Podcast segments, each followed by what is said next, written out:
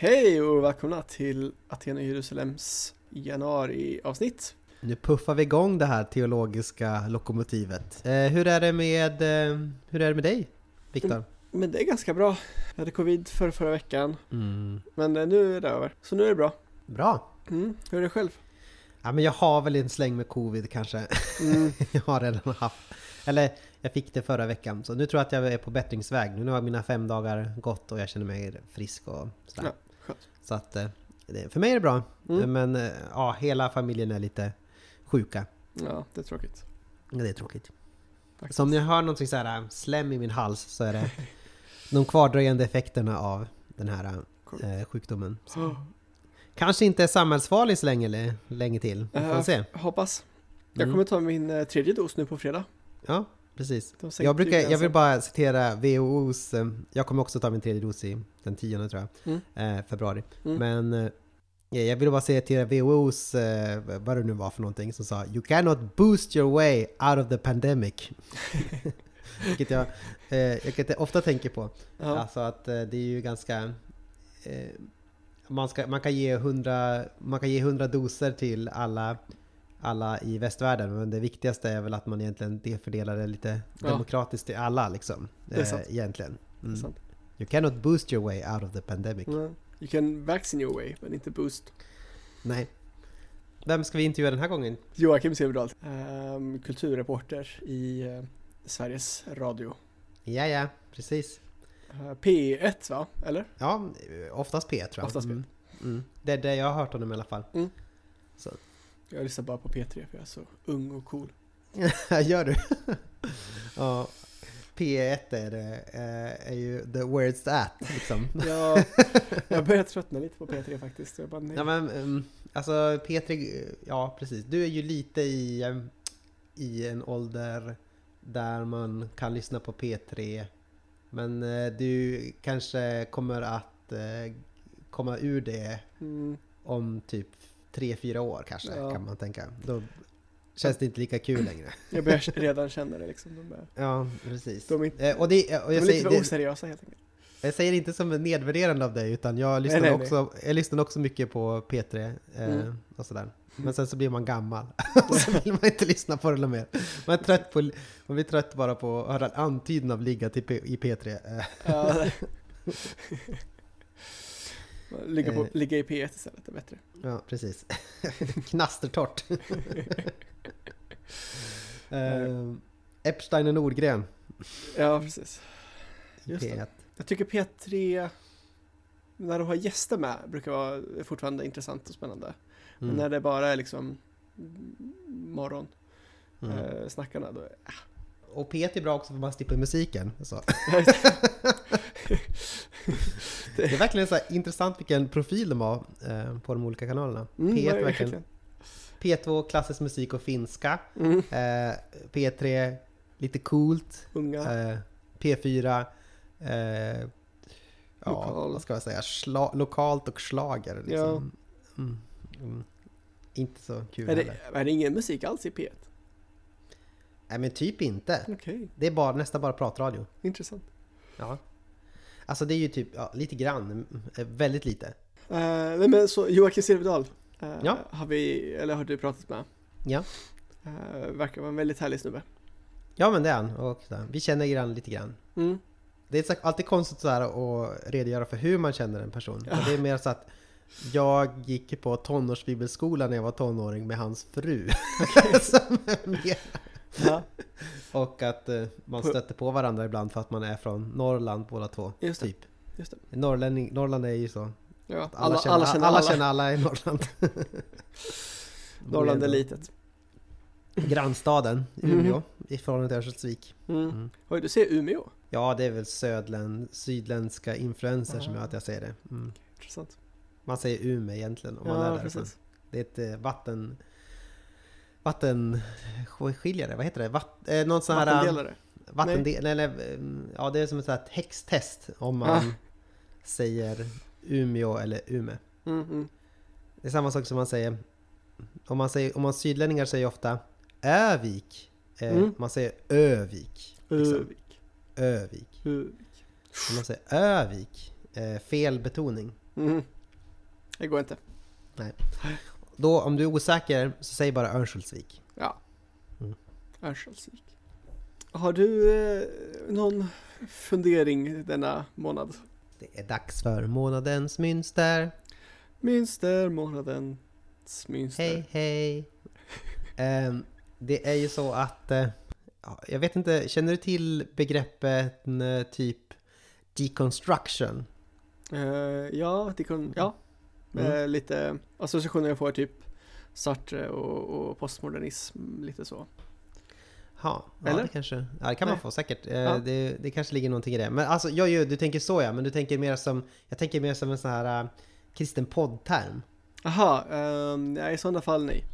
Nej, nej precis. För det är lite av en grej så här att folk håller på med deconstruction eller eh, dekonstruktion. Att de eh, håller på med att ta the fate they inherited och så plockar de isär beståndsdelarna och eh, ska bygga ihop eh, sin egen tro, kanske? Mm. Eller sådär. Mm. Eller vad det nu, vad det nu kan vara för Mm. någonting. Lite, lite grann åt det hållet. Mm. Ehm, det, finns, det finns ganska mycket om man bara letar lite grann efter det. Mm. Och det är liksom lite av en, av en grej. Eh, en, liksom en, lej, en etikett som eh, folk sätter på sig själva och Mm. vad de håller på med. Och så finns det ju eh, också något annat som heter, som är lite besläktat med som kallas eh, progressiv eh, teologi. Mm. Eh, och det går väl ut på att, ja, inte en bakåtsträvande teologi utan lite mer framåtskridande typ. Mm. Mm. Eh, ja. Det låter ju fint. Det betyder lite olika saker, men det är väl framförallt att man inte är liksom, om man är amerikan så är man inte republikan och sådär. Inte Aha. liksom, håller inte på, eller man är inte typ såhär kristna värdepartiet typ, utan mer såhär, ja, någonting annat. Mhm. Kanske lite eh, lite cool. lite, lite, lite, lite, lite mer woke som man säger då. Ja. Mm. Och jag tänkte säga, tänkte göra ett litet manifest här om eh, varför Aten och Jerusalem. eh, Jag kan tänka mig att man skulle kunna tänka att vi kanske tillhör eh, deconstruction-fåran eller progressiv teologi-fåran och sådär. Men jag tänker ett litet, eh, ett litet manifest om varför jag tänker att det här inte är en sån cool eller bra teologisk strömning. Eh, utan eh, om varför jag tänker att man borde ha ägnat sig åt någonting- annat. Mm. Och det korta svaret är vad som är problemet med de här sakerna. Och jag tänker så här att Oftast kan det finnas ganska mycket bra poänger i själva sakinnehållet. Mm. Eh, alltså det kan finnas bra teologiska poänger. Det kan finnas bra eh, tankeströmningar, kanske bra kritik och sådär Mm. i viss grad. Mm. Eh, så man behöver inte, verkligen inte kasta ut be- bebisen med badvattnet och liksom eh, hata allting liksom som kommer Mm. därifrån. Det finns mycket som är bra, mycket som jag eh, håller med om. Liksom, Mm. och sådär. Så det är inte det. Utan det är mer liksom den här, vad ska vi säga, eh, känslan kring det. Eller varumärket, eh, varumärket deconstruction eller progressiv teologi. Mm. Eh, och för att förklara det här så måste jag lansera nu begreppet eh, bobos. Mm. Eh, som inte jag har hittat på. Mm. Det betyder Bohemian bourgeoisie. Oh. och eh, låt mig läsa lite grann här från Charles Taylors A Secular Age. David Brooks sets out the synthesis between bourgeoisie and bohemian which he sees in the contemporary US upper class. These bobos, as he calls them, have made their peace with capitalism and productivity, but they retain their overriding sense of the importance of personal development and self expression. They retain the wholehearted embrace of sex and sensuality as a good in itself, but they pursue it with a kind of earnest concern for self improvement, which is light years away from the uh, Dionysian spontane- spontaneity of the 60s. They have developed what he calls the higher selfishness. Self cultivation is the imp- imperative. So this isn't a crass and vulgar selfishness about narrow self interest or mindless accum- accumulation. Mm. This is a higher selfishness. It's about making sure you get the most out of yourself, Mm. which is, means putting yourself in a job which is spiritually fulfilling, socially constructive, experientially diverse, emotionally enriching, self esteem boosting, perpetually challenging, and eternally edifying. Mm.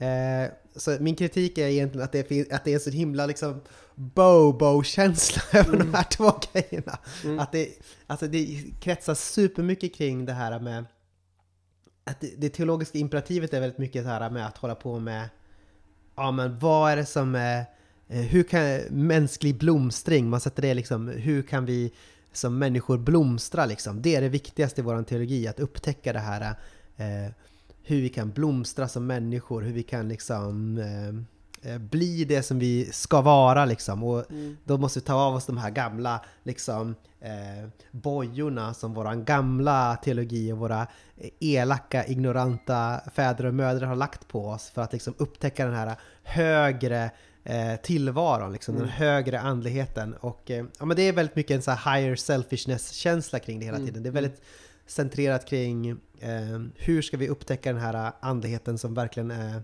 livsbejakande, som Mm. eh, fyller oss med glädje och sådär. Mm. Och alltså överlag så är det bara, det är väldigt mycket känsla, det är väldigt mycket centrerat kring ett jag och kring en sorts uppfyllelse. Eller att, um, ja men det är egentligen en, en, en ganska så här uh, Disney-känsla kring det hela. det Mm. handlar mycket om att, om att bli allt det man kan bli, att bli fri liksom och sådär. Mm. Eh, och eh, absolut, och då måste man ju komma med brasklappen liksom så här, Mm. såklart att eh, om man har växt upp i ett sammanhang som har varit väldigt destruktivt och sådär eh, så kan det ju vara bra att behöva upptäcka liksom det och vara lite mera, leva lite grann i the higher selfishness och sådär, kanske en stund. Ja, absolut. Men det, är inte, men det är inte målet med teologi. Nej, nej. Utan målet med teologi är att liksom förlora sig själv i Gud. Mm. I det här äh, förtärande elden som är Gud, om man får uttrycka dramatiskt. Mm. Eller liksom att det handlar ju om att ta upp sitt kors och följa Kristus. Liksom. Det är det som det handlar om. Mm. Målet med, med kristen tro är att vi ska förlora oss själva på e- i en mening. Liksom Mm. eh, för att vinna livet. Och det, är liksom, det har inte att göra med någon sån här, tänker jag, att man ska ha på sig en tagelskjorta liksom, eller sådär. Men det är snarare att liksom kärlekens själva drivkraft är alltid ut från sig själv. Den är excentrisk. Mm. Den, den går inte, den liksom håller inte fast sig i sitt lilla skal, utan den drivs alltid utåt.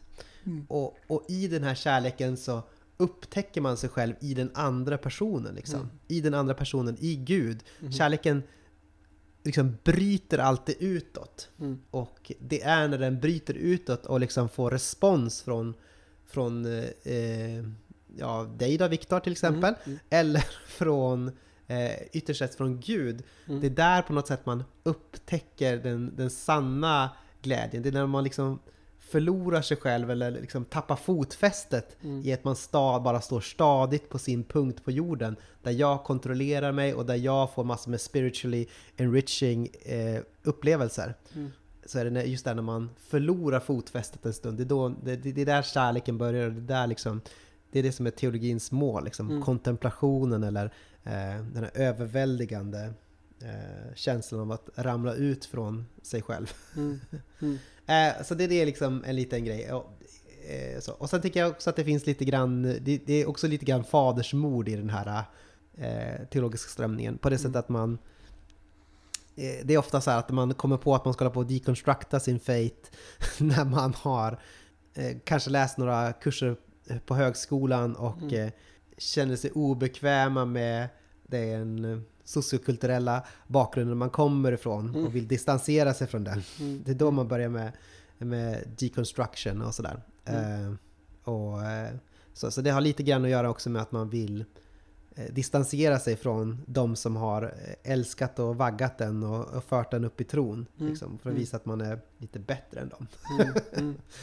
Är, min, är min kritik åtminstone. Det är lite en tråkig utgångspunkt så. Mm. Utan istället kan man ju tänka att, jag brukar tänka så att, jag, att snarare att, eh, att det är ganska mycket som jag inte skulle skriva under på Mm. teologiskt i min uppväxt. Liksom, Mm. eller, eller liksom i min...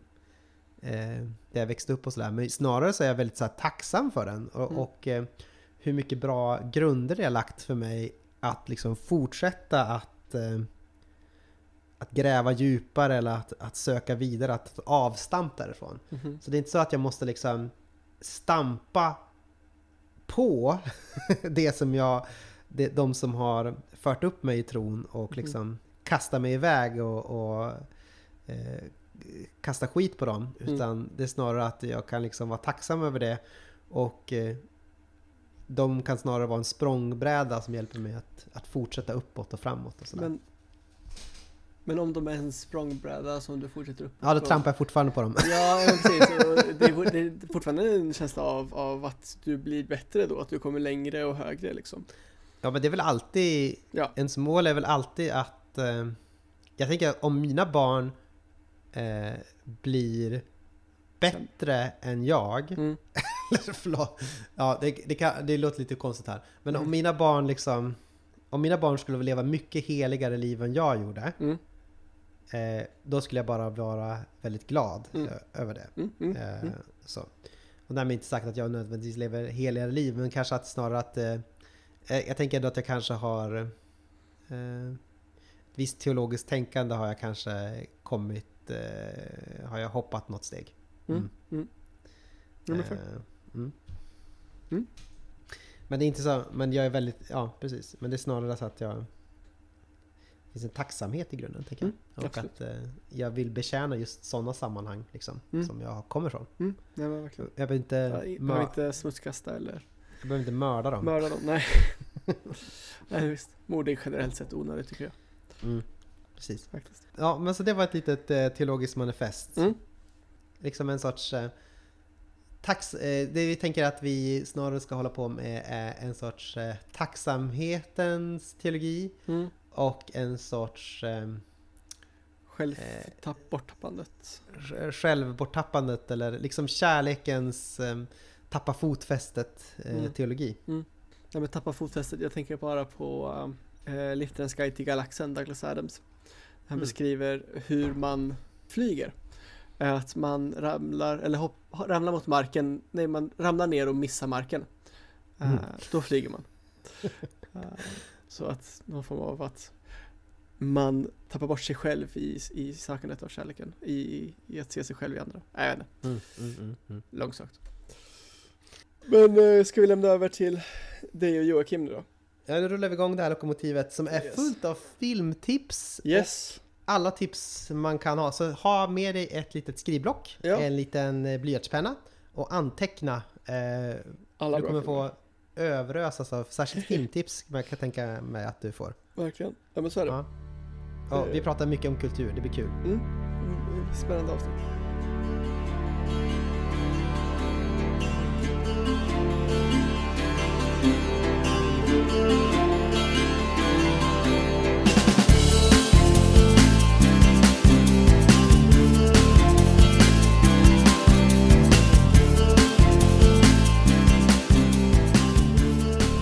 Hallå, hallå Joakim! Varmt välkommen till Aten och Jerusalem. Ja men du, tack så mycket. Eh, vilken ära att ha dig här. Ja men det är en stor ära här själv också. Få vara med. Ja, det borde det vara. För det, är- det, det är en stor ära för alla. Och för dig. Om du skulle introducera dig själv för våra lyssnare, vad skulle du säga då? Nej men jag skulle vilja säga, jag jobbar ju som kulturjournalist eh, på Sveriges Radio. Och jag har ju liksom ynnesten att få jobba med det som jag tycker är roligast, vilket är kulturämnena också då. Eh, så det känns ju lite som att jag har eh, lurat systemet på något sätt och fått eh, se på film på jobbet och sånt där. Och det känns ju himla kul. Eh, men, men jag skulle nog säga att om man tänker person som bara gillar fin kultur kanske, så skulle jag säga att jag, eh, mitt största mål som kulturjournalist brukar, brukar tänka är att, att sänka trösklarna för det som känns svårt och svåråtkomligt och liksom avancerad kultur, om man säger så. Eh, och kanske höja trösklarna för det folk skulle avfärda som fulkultur. Eh, om vi pratar om Adam Sandler-filmer till exempel, eller vad som helst, så tycker jag att det är viktigt liksom. Och jag skulle vilja att folk bryr sig mer om eh, Melodifestivalen och andra saker, eller åtminstone att det finns väldigt intressanta sätt att närma sig det också. Även om man är någon som mest lyssnar på Wagner och eh, ser på Bergman-filmer kanske. Just det. Ja, men det är lite, lite mer stereotypt att hålla på med Bergman. Det är lite mera, lite mer true att hålla på med, att hålla på med Adam Sandler. Ja, ja, kanske det. Jag tänker att det, jag tänker att det, jag och någon kompis också när vi brukar prata om att det, det, är kul att säga att saker är lika bra. Att säga att liksom viskningar och rop är lika bra som Waterboy med Adam Sandler. Liksom. Att, att för mig är de på exakt samma nivå. Jag skulle ge dem en sjua i betyg liksom, eller någonting. Ja, alltså, ja, det, den, den, eh, det är en värld jag skulle vilja leva i. Där det var mer så. Ja, ja men det, det, det, det ligger någonting i det. Uh, den bästa Adam Sandler-filmen tror jag att jag spontant skulle säga är Happy Gilmore. ja, men den är, ju, den är ju verkligen bra. Och om man då skulle jämföra den med en annan, helt annan sorts Adam Sandler-film skulle jag säga att Uncut Gems som kom för några år sedan, som är en extremt mm -hmm. påfrestande och jätte, jättejobbig eh, thriller. Där mm -hmm. han mhm. spelar en, en man som har en sån här juvelerarbutik och bara liksom en helt hopplös gambler som satsar i sitt liv. Det känns som att alla beslut han tar är en mardröm för någon som vill ha kontroll på livet. Eh, så vill man se en sån film är det väldigt bra. Eh, vill man se en mer skojig, härlig Adam Sandler-film är Happy Gilmore en toppen. toppen bra film. toppen bra. Eh, jag funderar på, när du jobbar ju, du jobbar ju som journalist på radion och så. Mm. och då gör man så himla korta inslag. Mm. Alltså om man lyssnar på ett Joakim Silverdal eh, så är det kanske, det är ju under två minuter mm. kanske. Eller eh, någonting sånt. Någonting sånt, ja. ja. Och jag antar att man lägger jätte, jättemycket tid på att göra de här två minuterna. Mm. Eh, och hur är det liksom? Är det skönt eller frustrerande? Eller ja, hur är det?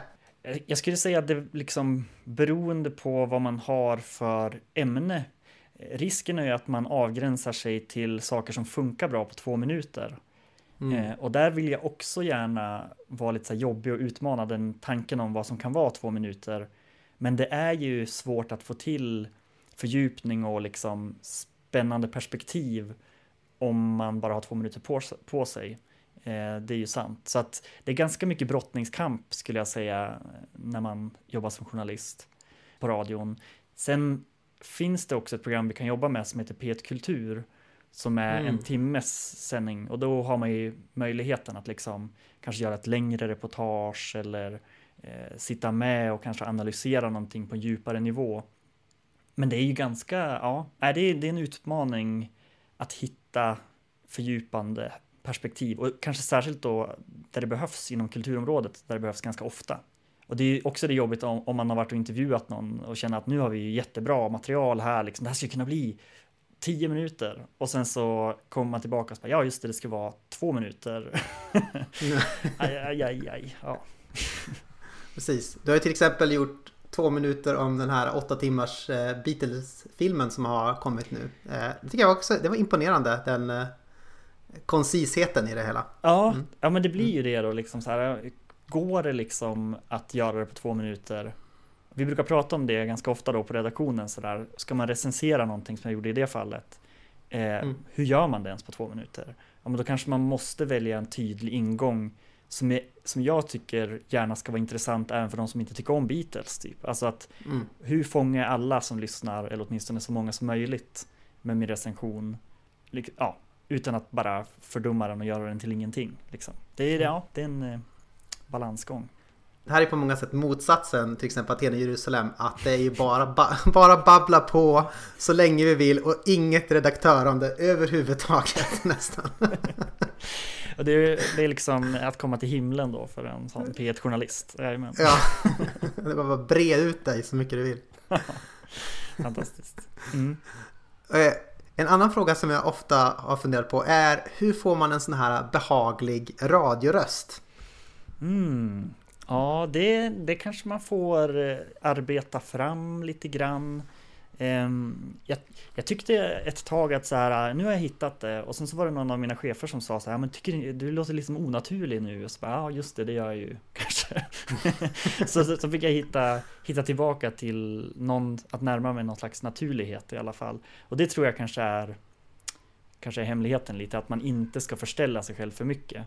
Så att man inte kanske pratar som en eh, utrikeskorre som kanske pratar så här. Eller en poet som ska läsa upp en dikt och pratar så här. Välkommen till Dramaten! Där du lär dig att tala onaturligt. Exakt, det, den, den risken finns ganska ofta också. Ofta tror jag också för att man hör sig själv hela tiden när man jobbar med radio, att man lyssnar tillbaka, alltså, oj det där, nu, jag måste nog låta lite mer professionell och liksom eh, rak i ryggen och så här. Eh, Men Mm. jag tycker att dialekter ska ju höras liksom och det ska ju vara en personlig radio, då är det ju som bäst, tycker jag. Vad har du för dialekt? Du har väl lite mera Ja, Härnösand? Eller- Ja men precis, och så liksom lite kryddat med någon slags Umeå-dialekt som jag fått här med tiden. Men det kan komma lite sådana ljud ibland, bo, Mm. liksom på naturliga vägar. som jag Mm. tror märks mer för andra människor än för en själv, som det oftast är. Det är en kulturgärning också att vi måste försöka bevara dialekterna så gott vi kan. Ja, ja men eh, jag. absolut, det tycker jag. eh, Jag blir alltid glad när jag hör nästan vilken dialekt som helst och mycket av den liksom i, Mm. i radiosammanhang. Ja, det, det är sant faktiskt. Eh, idag så ska vi prata lite grann om, eh, om populärkultur som, som eh, du förde in samtalet på lite grann där i början. Mm. Eh, och hur man som kristen kan förhålla sig till det. Mm. Och det, det har ju på sista tiden varit eh, lite debatt om moraliskt betänklig eh, populärkultur. Eh, en fråga som varit uppe mycket är ju till exempel gangsterrap om den förhärligar en kriminell livsstil. Och så. Mm. Eh, borde man sätta någon sorts begränsning för vad till exempel radion ska eller bör spela? Det har ju varit en diskussion till exempel. Mm. Och, och vad tänker du? eh, Om du tänker som kristen, Mm. hur ska man förhålla sig till det här med moraliskt betänklig populärkultur? Ska, ska det vara ett avståndstagande eller ett fullkomligt bejakande eller är det något annat? Så jag tycker att det är en intressant, alltså om man tänker bakåt, för både du och jag har ju frikyrkliga liksom, uppväxter och jag går ju till en frikyrka och du går till en frikyrka. Att, Mm. att det är ju någonting i våran historia som har varit liksom sett, setts ner på väldigt mycket. Vissa kulturformer och vissa kulturuttryck. Och det, och det där tänker jag är intressant, alltså hur, vad vi har i vårt bagage. Eh, För det tänker jag är det som spelar in alltid i hur man väljer att ta emot någonting. Det, allting är ju väldigt subjektivt. Det är ju vissa som, när jag har gjort en recension, som tänker att jag har sagt det objektiva sanningen om, om någonting och blir väldigt upprörda kanske och hör av sig och säger det här är ju fel. Eh, Mm. Och då brukar jag oftast försöka svara liksom hövligt och bra och säga att ja men för, för dig som lyssnar så var det fel. Men för mig som hade en helt annan uppfattning om de här ämnena som filmen tog upp eller känslor kring det som hände eller eh, att jag såg det tekniska, att det föll på det eller någonting. Så var det det som gjorde att, att, att liksom eh, föll isär. Det, det är där det börjar bli liksom svårt att säga liksom gangsterrap ska förbjudas eller gangsterrap är det bästa som finns liksom. För att olika människor kommer ta emot det på olika sätt. Eh, så det är ju en av de all, alltså, det är ju en av de allra svåraste frågorna skulle jag säga. Gränsdragningar mellan liksom sådana där saker. Jag vet inte vad du, vad tänker du? Nej men jag, vad tänker jag? Nej, men, det, är, det är en väldigt bra fråga. Alltså jag är väl ganska kulturliberal om man ska säga. Mm. Jag tittade på Harry Potter när jag växte upp va? Det var inget problem. Eh, Jag tittade inte på Harry Potter så mycket, jag läste Harry Potter. Jag hade någon sån här bakåtsträvande idé om att jag inte skulle titta på filmerna och sådär. Så jag har inte riktigt eh, sett så mycket av dem faktiskt eh, Mm. nu. Men eh, på det sättet också tittar jag på typ Buffy the Vampire Slayer och sådär. Det som var liksom gränsdragning, Mm. jag, egentligen inte så mycket underhållningsvåld och sådär tittade jag också på Mm. när jag växte upp och gör fortfarande. Det som jag kommer ihåg var den tydligaste gränsdragningen, det var det här med när det blev lite så andligt typ. Eller att det blev, vad ska man säga, ja men typ Exorcisten och sådär. Mm. Som har att göra med typ eh, demonisk aktivitet. Det var lite så här, eh, det var lite känsligt. Det ska man helst Mm. inte titta på och sådär. Mm. Det är det, jag, det är det jag kommer ihåg liksom. Eh, Det är liksom lite min, min bakgrund och sådär. Eh, vilk- eh, och oftast, oftast är det väldigt svårt att få till ett sånt, en sån sittning bland kristna. Nu ska vi titta på Exorcisten allihopa. Samla ihop er nu gänget, nu slår Ja. igång. Vilket jag tycker är lite synd för jag tänker att det är en ganska det är, det, är, det är en intressant film att titta på som kristen på, det, på, på ett plan. Om man inte tar den på för stort allvar. Så. Ja. ja, men jag tänker, Mm. och då kommer vi också in på ett ämne som jag har eh, funderar ganska mycket kring eftersom jag jobbar med det jag gör också. Eh, och det finns en, en eh, amerikansk podcast som heter Filmspotting som är en av de stora filmpodcasterna i USA. Mm. Eh, och den ena av de två programledarna är kristen, han heter Josh Larsen. Och han har också en podcast som heter Think Christian som är liksom en mer ja, kulturpodcast ur ett kristet perspektiv på något sätt. Eh, och deras tagline i den här då Think Christian-podden är då eh, There's no such thing as secular culture. Mm. Vilket jag tycker är en ganska intressant tagline och eh, ett spännande sätt att se på det. Eh, för traditionellt sett så tänker jag att kyrkan ofta delat upp det där i liksom sekulärt eller liksom profant och andligt Mm. eller Mm. någonting uppbyggligt för själen eller så. Eh, och då ska vi syssla med det som är uppbyggligt för själen och allmänt bra. Medan det här andra profana, sekulära, det kan vara lite underhållning och sådär, det är okej, men liksom någonstans där går gränsen och så har vi, har vi det vi sysslar med här borta. Eh, Mm. I världen, inte av, eller vad säger man? Ja, ja, men det Världen. stämmer nog. Ja. Eh, jag var tvungen att tänka efter till och med. Då känns det som att det har gått ett tag sedan liksom 20-talet eller någonting. Ja.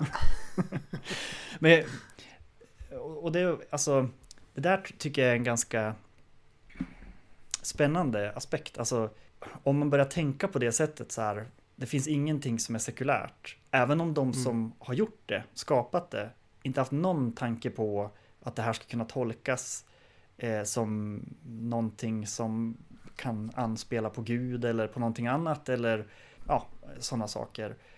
Men du och jag och många med oss liksom som har, är kristna, då börjar man analysera allting utifrån sin egen ryggsäck och vad man har i den. Liksom. Mm. Mm. Och det tycker jag är väldigt intressant och det gör ju att våran historia i frikyrkan eh, också sätts i ett ganska intressant ljus när man börjar tänka på det. Eh, Mm. min pappa var, har varit pastor och hans pappa Mm. har varit pastor och jag ser på film liksom.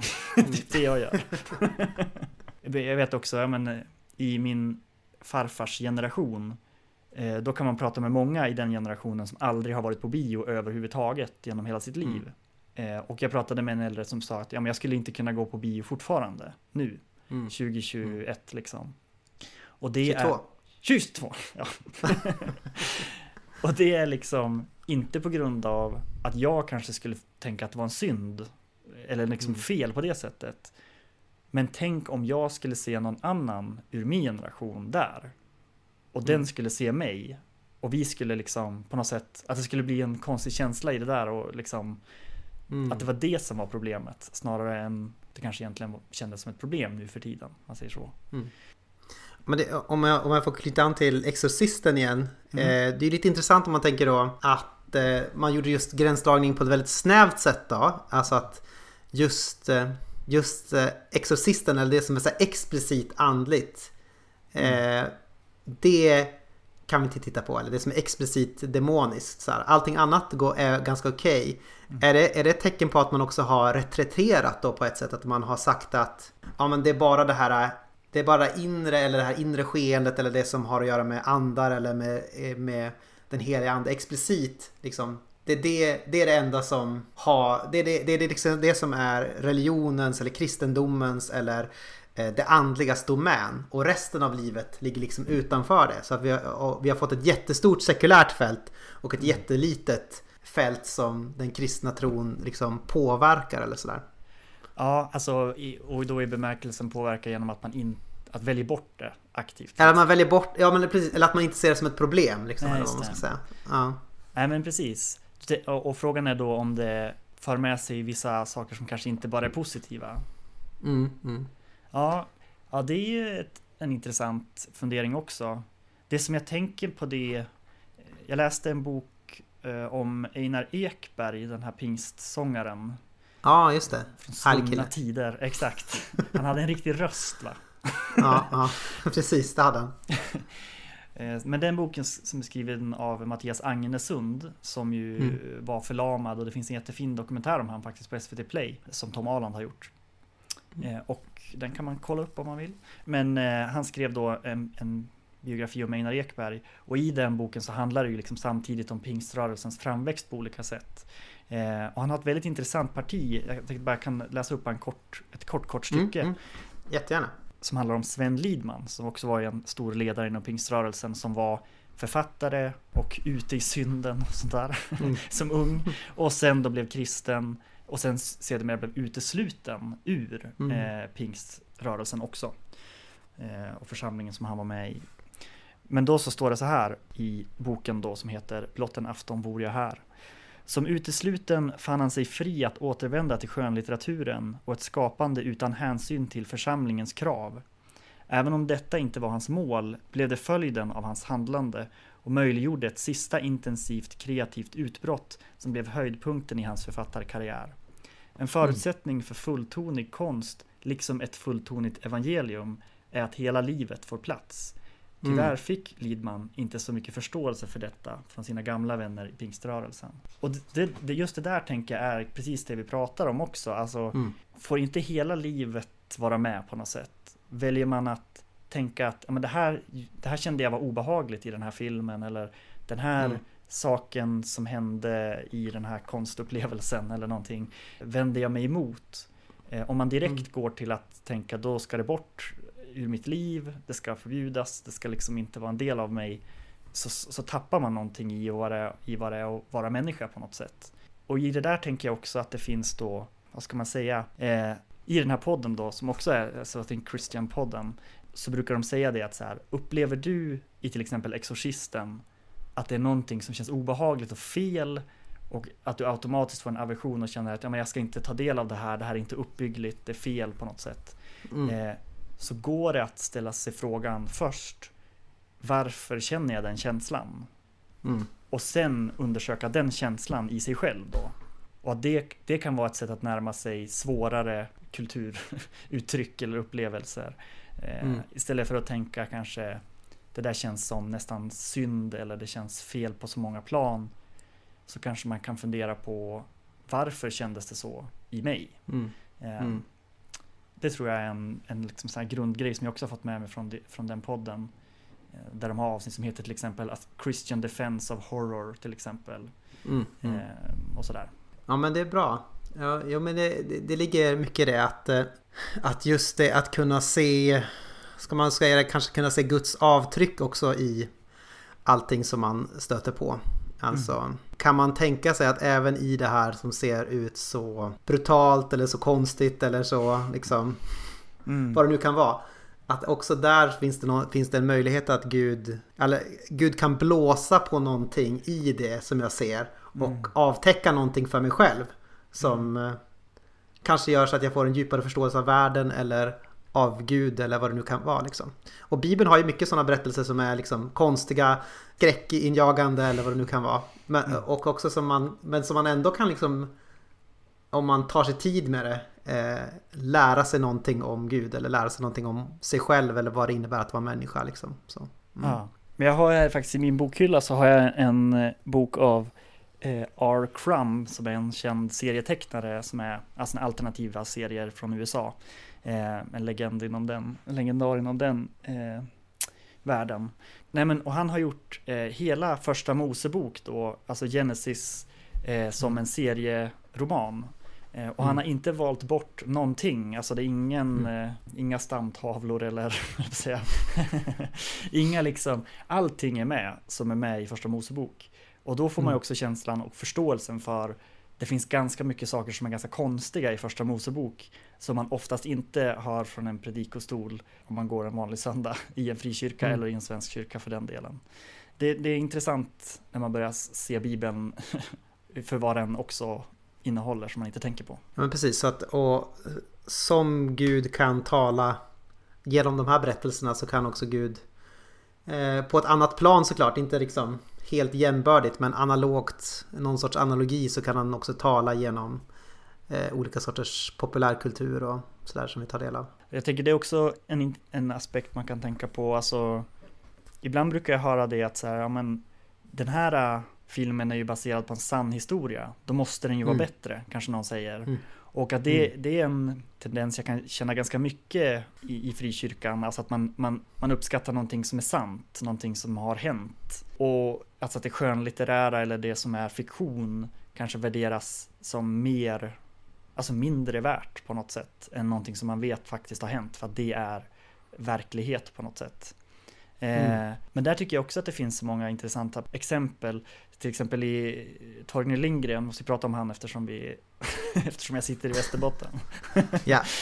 Eh, nej men hans eh, självbiografi Minnen är ju en fantastisk bok som bara är en, liksom en ren skröna då, fast det är en självbiografi. Mm. Och det, det, gör han tydligt i första delen i boken som är ett samtal han för med sin redaktör. Där redaktören mm. säger så här, men du måste göra en självbiografi, de går bra nu, typ så här. Det, det, det, du måste göra en självbiografi. Och så säger han, men jag kommer ju inte ihåg mitt liv rätt, liksom.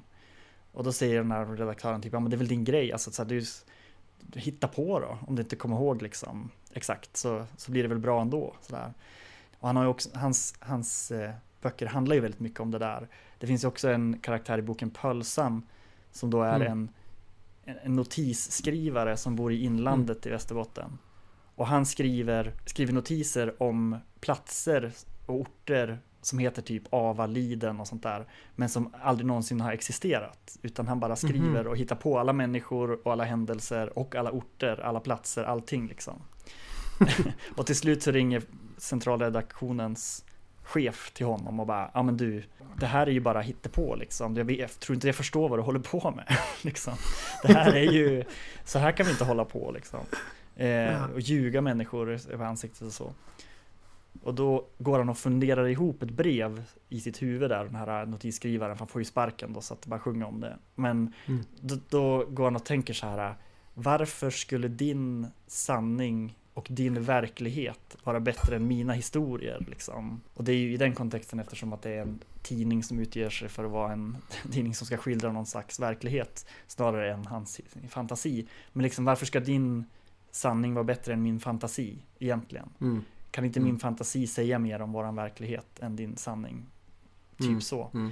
Och där tror jag att det liksom ganska mycket av varför jag är så exalterad och gillar att verkligen ge mig in i populärkulturen är just det där också att, att ge sig hän till någon som försöker fånga vad det är att vara människa eller hur det går att koppla det till sökandet efter Gud eller Alltså allt mm. sånt där. Sanna berättelser som inte nödvändigtvis är biografiskt sanna. Precis, jag tänker ofta att de berättelserna, för det är ju kul när någon säger det, då måste det väl alltid vara bättre. Och då tänker jag nästan alltid att det måste nästan alltid vara sämre om det är mm. en sann berättelse, i, alltså att man ska försöka skildra någonting som har hänt. För då har man så mycket man måste förhålla sig till. Och en sån berättelse kanske inte nödvändigtvis kan ta den vägen som en berättelse skulle behöva ta för att landa riktigt på slutet eller ofta blir sådana här biopic-filmer om en känd artist eller en känd konstnär eller en känd fotbollsspelare eller någonting. Det kan lätt, lätt falla platt för att man inte kan ändra saker för berättelsens skull utan man, mm. man tar en människas liv ganska rakt av. Ja. Det bästa med de här som de är 27 och sådär. Lite mer så att man får ett klimax på något sätt. Mm. Kan knyta andra till början så ser man någon som laddar ett hagelgevär och så slutet så. Exakt. Visade sig att det var Kurt Cobain eller något. Exakt, så bookends liksom. Det ska vara väldigt ja. tydligt. Ja, precis. Mm. En sak som vi har haft en diskussion om på Twitter är vilken typ av våld är bäst i film? Mm, just det. Är det bättre med liksom groteskt och godtyckligt våld som var eh, position Anton? Eh, är det snyggt stiliserat våld eller liksom Marvelskt eh, gott versus ont våld? Just det. Eh, men hade inte, du en, bra, du? Du, hade inte du en bra teori om det här då? Vill jag minnas. Ja, men min teori var väl, det var ju i det här eh, kölvattnet efter Squid Game, den här tv-serien som är Ja, jag har inte sett den men det går ju ut på att de leker barnlekar och sen så blir de dödade. Mm. Om man ska göra en väldigt kort sammanfattning. Mm. Eh, så den är, och den är ganska blodig och sådär har jag förstått det som. Eh, och eh, då är det vissa som, eh, då var det i dagen några som tyckte att den var eh, förkastlig liksom eller så att det var så Ja men just att det inte var ett sånt där gott versus ont våld utan att det var liksom det här groteska godtyckliga våldet som man bara gottade sig i. Mm. Och då menar jag då att sånt våld är mycket bättre för att det är ett våld som inte förhärligar det förhärligar inte våldet, det, höjer inte upp det, det gör inte till något sådär rent eller blodlöst eller något sånt här äh, häftigt utan det gör det just till så här det äckliga sörjan som det är. Mm. Och det, det på något sätt är bra för att jag tycker det som mer rättfärdigar våld det är ju såna här eh, eller mer rättfärdigar våld i verkligheten det är ju mer såna här eh, Captain America och såna där skildringar där det finns där det är så väldigt clear cut att, att det Den- finns de goda, det finns de onda och nu ska vi bomba skiten ur de onda och eh, det är liksom det är snyggt, det är fint och eh, eh, alla applåderar på slutet liksom. Just det, Heja Amerika också oftast. Ja, ja precis. Och då, sånt våld är ju värre även om det är liksom mer estetiskt tilltalande för att det eh, föder liksom de här tankarna i oss om, om det god eller försonande våldet eller så. Mm. Mm. Ja, det, Det var min teori. det är en väldigt eh, spännande teori faktiskt. Alltså, eh, jag skulle ju ändå tänka att jag uppskattar ju båda sorternas våld då i sina respektive sammanhang kanske. Och jag tror att när vi pratade om det där så kom Tarantino upp. Ja, precis, precis. Och då tänkte jag, för just i till exempel Django Unchained, den filmen, som handlar om slaveriet och är liksom en väldigt förhöjd eh, liksom pang-pang eh, av slaveriet. Liksom en som bygger liksom på Blaxploitation-genren från 70-talet. Och det är mycket Mm. liksom en god känsla i när någon skjuter huvudet av någon, typ så. Eh, Mm, mm. men Tarantino har också ofta få, fått svara på frågor om våld i sina filmer. Så här, men vad tänker du? Så här, göder det här? Eh, olika saker. Men jag tänkte på just den här filmen som ett ganska intressant exempel. För han, han brukar ofta jobba med så olika sorters våld i sina Mm. filmer. Så det är liksom en tydlig pang-pang-våldsfilm som vi kollar på. Men sen helt plötsligt så slänger han in en scen där två stycken slavar eh, tvingas av en ond slavägare att döda varandra som underhållning för de här Mm. rika slavägarmänniskorna. Och det spelas ju absolut inte som liksom någon slags härlig eh, Ja det, det, det, ja, det blir en väldigt mörk stämning över filmen då. Och Mm, mm. det är nästan som att Tarantino pekar lite på oss som sitter i salongen så här bara, varför tycker ni inte om det här då? När ni tyckte om det här när vi pangade folk i huvudet här nyss. Eh, Då satt ni och skrattade och hade det kul liksom. Att, att det liksom, jag skulle säga att båda de där våldsvarianterna fyller verkligen sina funktioner. Det kan ju nästan vara någon typ av, eh, ser man liksom hantverket i en väl koreograferad actionscen i en John Wick-film, kan jag göra. Samtidigt som att jag kan verkligen se och känna mörkret och det hemska i en mer eh, verklighetstrogen film. Det, det, det, det får man ju ofta känslan ur- liksom regissörens vision också. Man Mm. känner liksom vad är det de vill säga ungefär med de här scenerna. Ehm, Så jag tror att båda de där våldsvarianterna har någon, liksom, fyller sina funktioner och har värde på något sätt. Ja men just det, Tarantino tycker jag är ett väldigt bra exempel på eh, de sen, den senare Tarantino kanske man ska säga. Mm. Då är det ofta så att den här slutscenen, det här som ska vara det här slutgiltiga försonande våldet, att det blir så otroligt groteskt och liksom skadeglatt eh, från karaktärernas sida. Mm. Så att eh, man som tittare liksom sätter en, får en klump i halsen. Och det tycker jag är ganska skickligt gjort, eh, liksom, att eh, han liksom blandar det här ja men pang pang Eh, hurra vad kul det är, våldet. Skjut, dem i, i pungen våldet liksom. Och eh, det här. Eh, och så, så kommer de här scenerna som är liksom så otroligt brutala och så liksom sätter det i något sorts annat ljus som gör så att eh, man inte är så tillfredsställd med våldet längre. Mm. Eh, jag håller med om det. det. Till exempel då The Hateful Eight tycker jag är ett sånt tydligt exempel. Där, den slutscenen där. Mm. Vi ska inte spoila för mycket då. Men den tycker jag är liksom, den är, har ju verkligen den effekten. Att den är liksom inte det här förlösande fina våldet. Utan verkligen det här, eh, vad är det som händer? Och Mm. samma sak tycker jag i Inglourious Basterds. Den, den har ju samma känsla tycker jag. Eh, att, eh, det, lyckas ganska bra med den här Ja, men också- vändningen. Där man tänker så här, nu är det, ja men exakt, man ska verkligen känna att det här känns nice. Men det är också Mm. någonting som skaver hela tiden, vilket är ju spännande när det handlar om nazister och verkligen Mm. skulle gå och göra ren underhållning om man säger så, av det. Men vad tycker du är värdet, eller är det liksom, om du, om du tänker på en John Wick-film då. Är det liksom, är det det estetiska som är, som är tilltalande där? Eller vad är det som, vad är det, vad är det i våldet som liksom är kul eller som är bra eller så. Ja men precis. Ja men då tänker jag, för jag, jag gjorde faktiskt en recension där jag fick någon, något argt mail eh, av en tv-serie som heter Gangs of London. Eh, Mm. Av en, och nu kommer jag tappa namnet här, men jag tror han heter Gareth Evans som är en känd eh, actionregissör och koreograf. Eller han är, har gjort sådana liksom filmer som heter The Raid till exempel som är i Indonesien som är väldigt eh, väldigt, väldigt, väldigt våldsamma men också som en, alltså det är som att se en mästare jobba så. Eh, Mm. och den här Gangs of London då har ju med samma typ av våld och då så beskrev jag det på något sätt med någon uppsnittad halspulsåder och jag ville liksom få folk att förstå vad det var för film, för serie liksom. Eh, men då fick jag ju något jätteargt mail där det var någon som skrev att ja men det här är ju om du tycker det här är så spännande med halspulsådrar och liksom knivar i magen och sånt, då kan du väl eh, söka jobb som ambulanssjuksköterska istället. För det här tycker jag låter som att du behöver göra något annat. Typ. Eh, och då så skrev jag tillbaka till den personen, precis det som vi pratade om innan, att säga, ja men det kanske är så att, att det är bra att vara tydlig med en sån sak i en recension, var, vilken Mm. sorts våld det är. För det kommer Mm. ju leda till att du bestämmer dig för att jag vill absolut inte se det här. Eh, Mm. Men det som den här personen reagerade så starkt för var ju att jag gav serien ett gott betyg.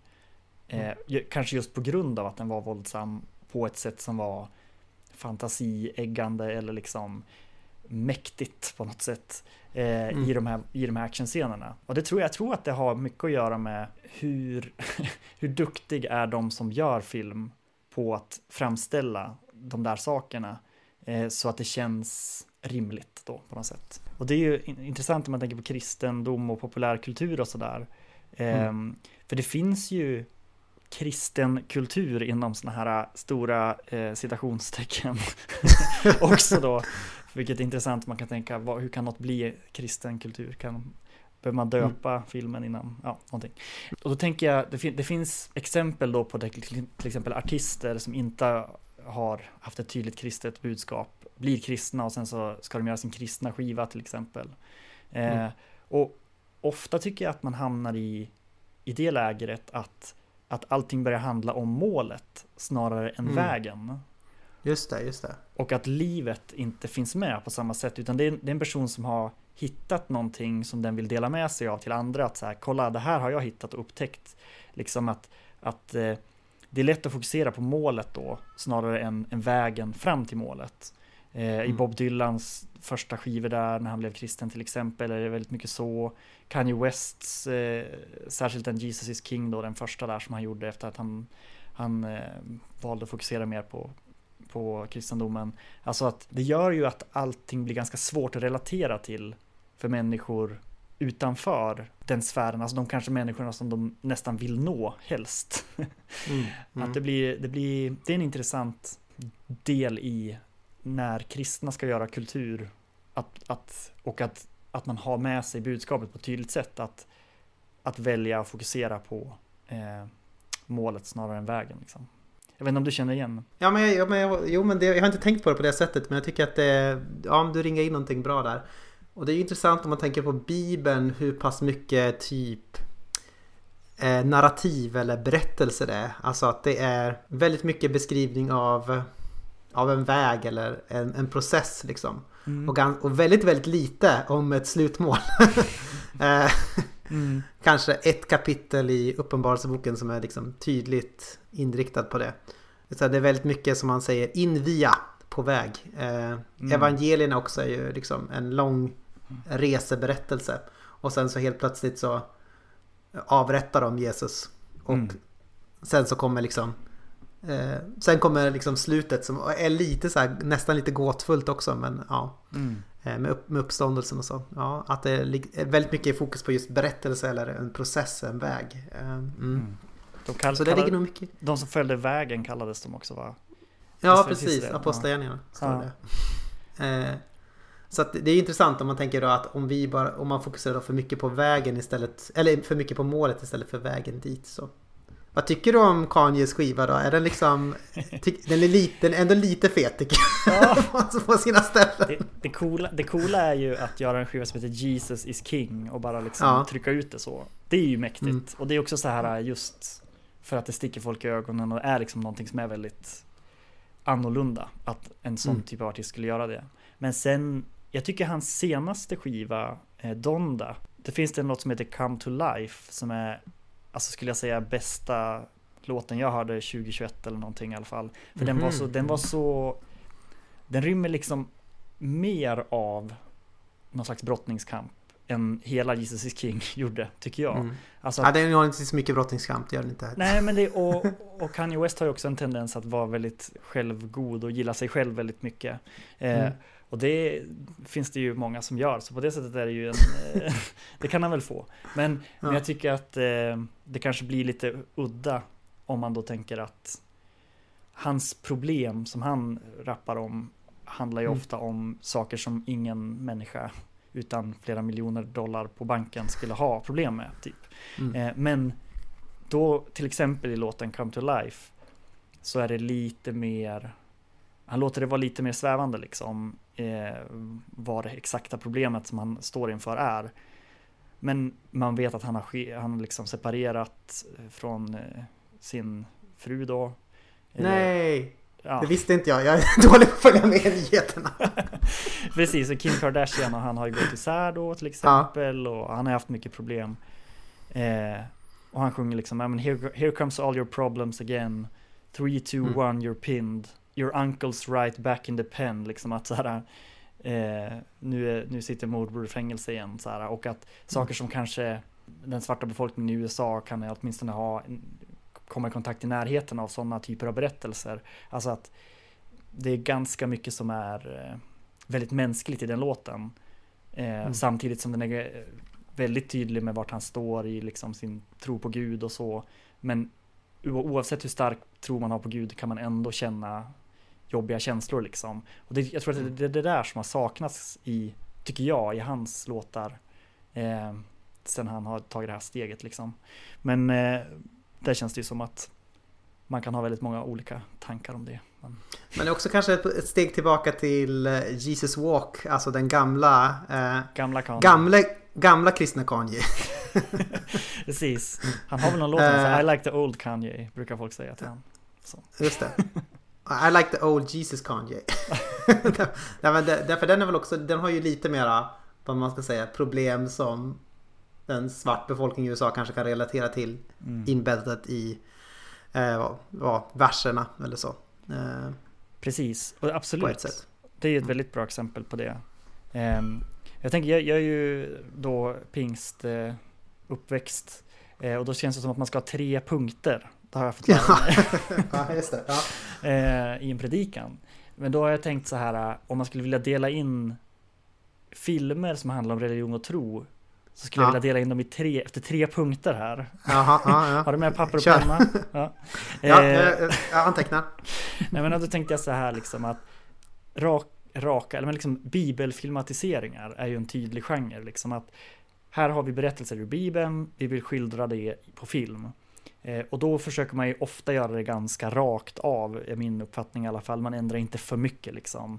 För att det skulle den, de man vill nå med en sån film inte uppskatta. Eh, eftersom de man försöker nå med en sån film kanske är folk som redan har kunskap om bibeln, är min uppfattning av det i alla fall. Eh, men då Mm. kanske det är så här, de tio budorden, Jesus från Nasaret, prinsen av Egypten, eller Josef drömmarnas konung för de som vill ha en deep cut i den här animations... eller Passion of the Christ. Ben Affleck. eh, eh, Är det sant? ja, det är sant. Han är Josef tror jag i den. Mäktigt. Mm. eh, nej men, och då tänker jag, det, det är lite den, om tänker det är punkt ett då, bibelfilmatiseringar. Så tänker jag att punkt två är då kristna filmer med sådana citationstecken igen, sådana jätte Mm, mm, mm. eh. Och då tänker jag att då är det liksom Left behind kanske, eller det är så här Facing the Giants, eller I can only imagine, eller Heaven is for real. Alltså det är Mm. fireproof, det är sådana filmer som är liksom skapade det känns som att det är så här som Pampers-reklamen liksom, av kristna för kristna Ja. eh, i en ganska stor utsträckning. Sen tänker de säkert att vi gör en, en så bra film som möjligt så når vi folk utanför kyrkan liksom. Finns det säkert någon slags tanke med också. Eh, vad finns det för Det är Gospel, The Shack, Praying in the War Room. Alltså ja, Lite så. Faith like potatoes. Fate like potatoes, exakt. Vilket jag tycker är ett av de roligaste omslagen som finns när det är, när det är en man som står med två potatisar mot, mot skyn så här. Eh, väldigt snygg man som är någon slags bonde då. Eh, tycker jag är väldigt kul. Och det är punkt två då. Så tänker jag punkt tre är trons brottningskamper. Och det är då vi börjar Mm. komma in på filmer som jag oftast graviterar mot som mina favoriter liksom. Mm. Eh, också för att de sällan är gjorda med det här målet att nu ska vi kristna folk eller mm, liksom att nu ska vi skildra Bibeln så nära som möjligt eller det är, det är liksom filmer som får utrymmet att göra det som Sven Lidman fick utrymmet att göra efter att han blev utesluten ur pingströrelsen på 50-talet då, eller vad det var. Alltså Mm. att faktiskt närma sig och prata om saker som rör vad vi människor är eh, när vi kommer utanför den här lådan eller den här boxen av det vi har bestämt är okej typ.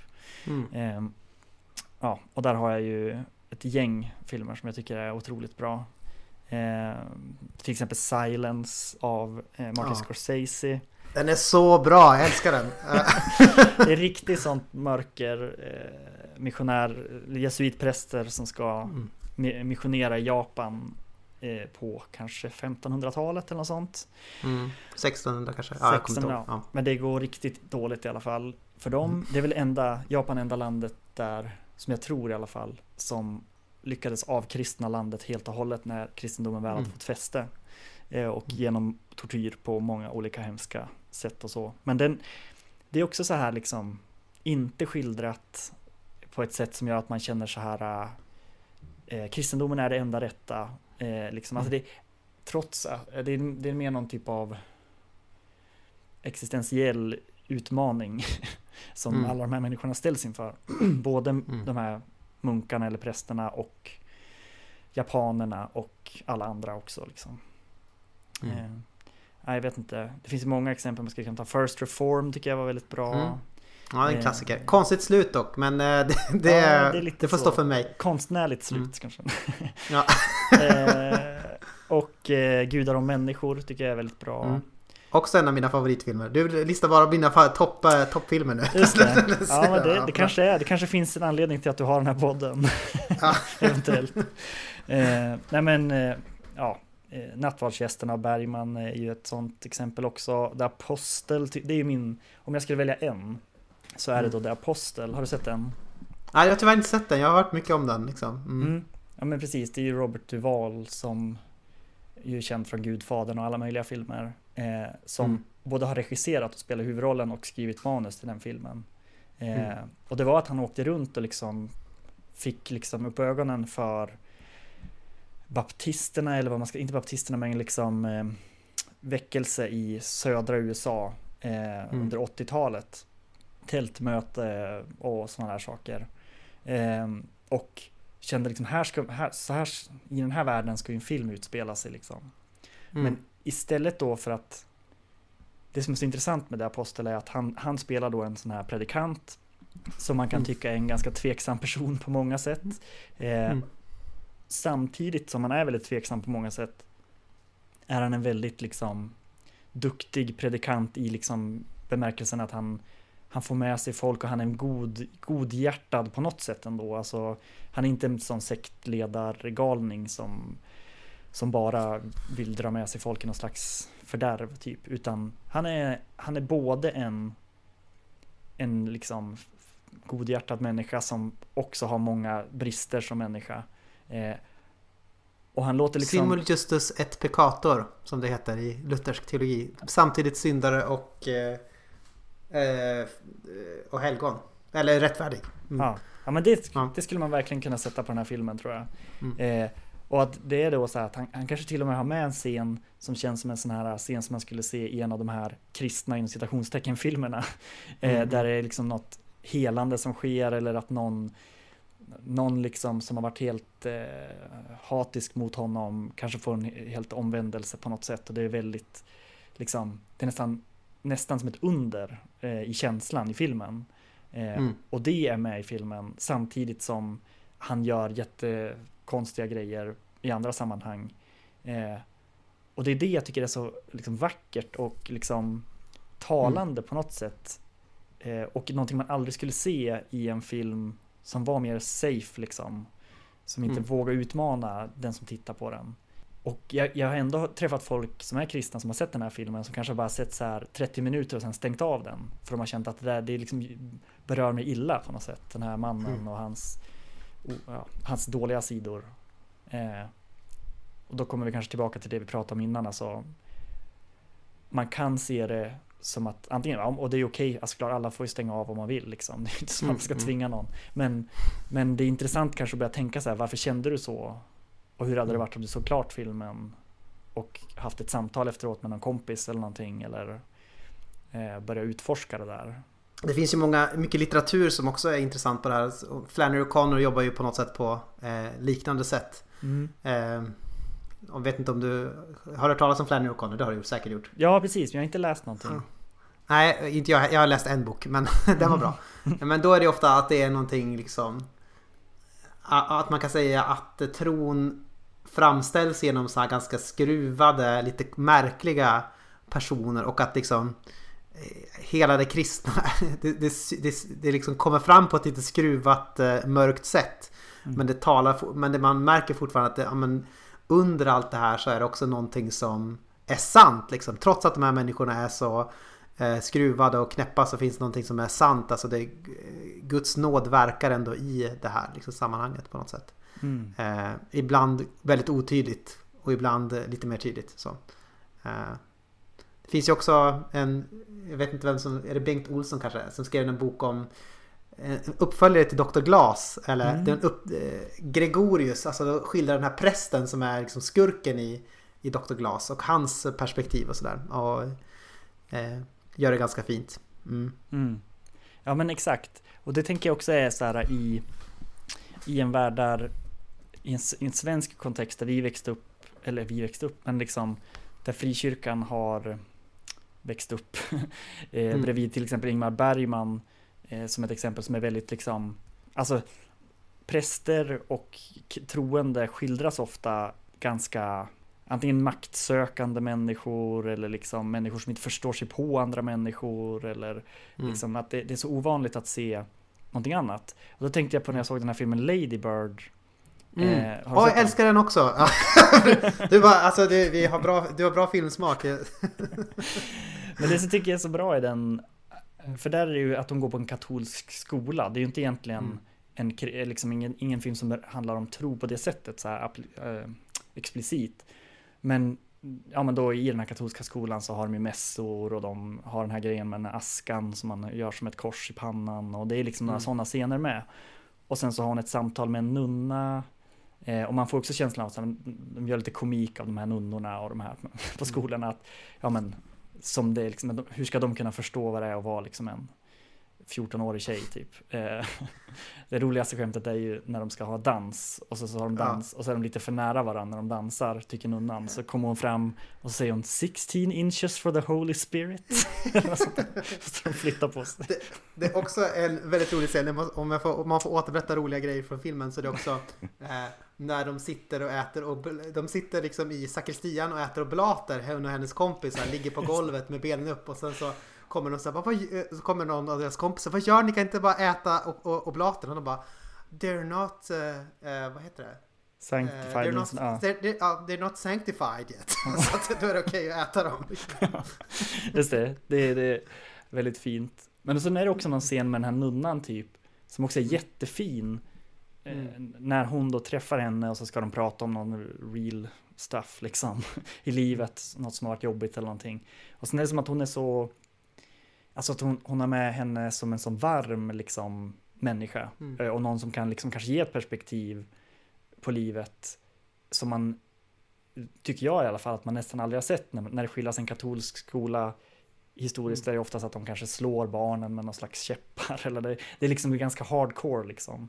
Eh, och det här är ju närmare nutid så det är klart att det är inte den typen av skolformer i USA heller längre. Men liksom Mm. Det var väldigt drabbande kommer jag ihåg. Det är också någon scen när hon bara går in i en kyrka för att hon, hon har liksom kommit till en ny stad och är väldigt här, osäker i sig själv. Och sen så är det som att hon går till kyrkan för det är som en säker plats på något sätt i hennes tanke känns det som när hon är inne där. Eh, och sådana där saker är liksom ganska, det tycker jag väcker någonting i, i mig i alla fall när jag ser det. Vilken skulle du säga är den bästa skildringen av kristen tro i en film? det bästa i en kristen, eller bästa i, ja, vad svårt. Eller det behöver inte vara liksom så att det är den objektivt eh, mest sanna beskrivningen, men ja.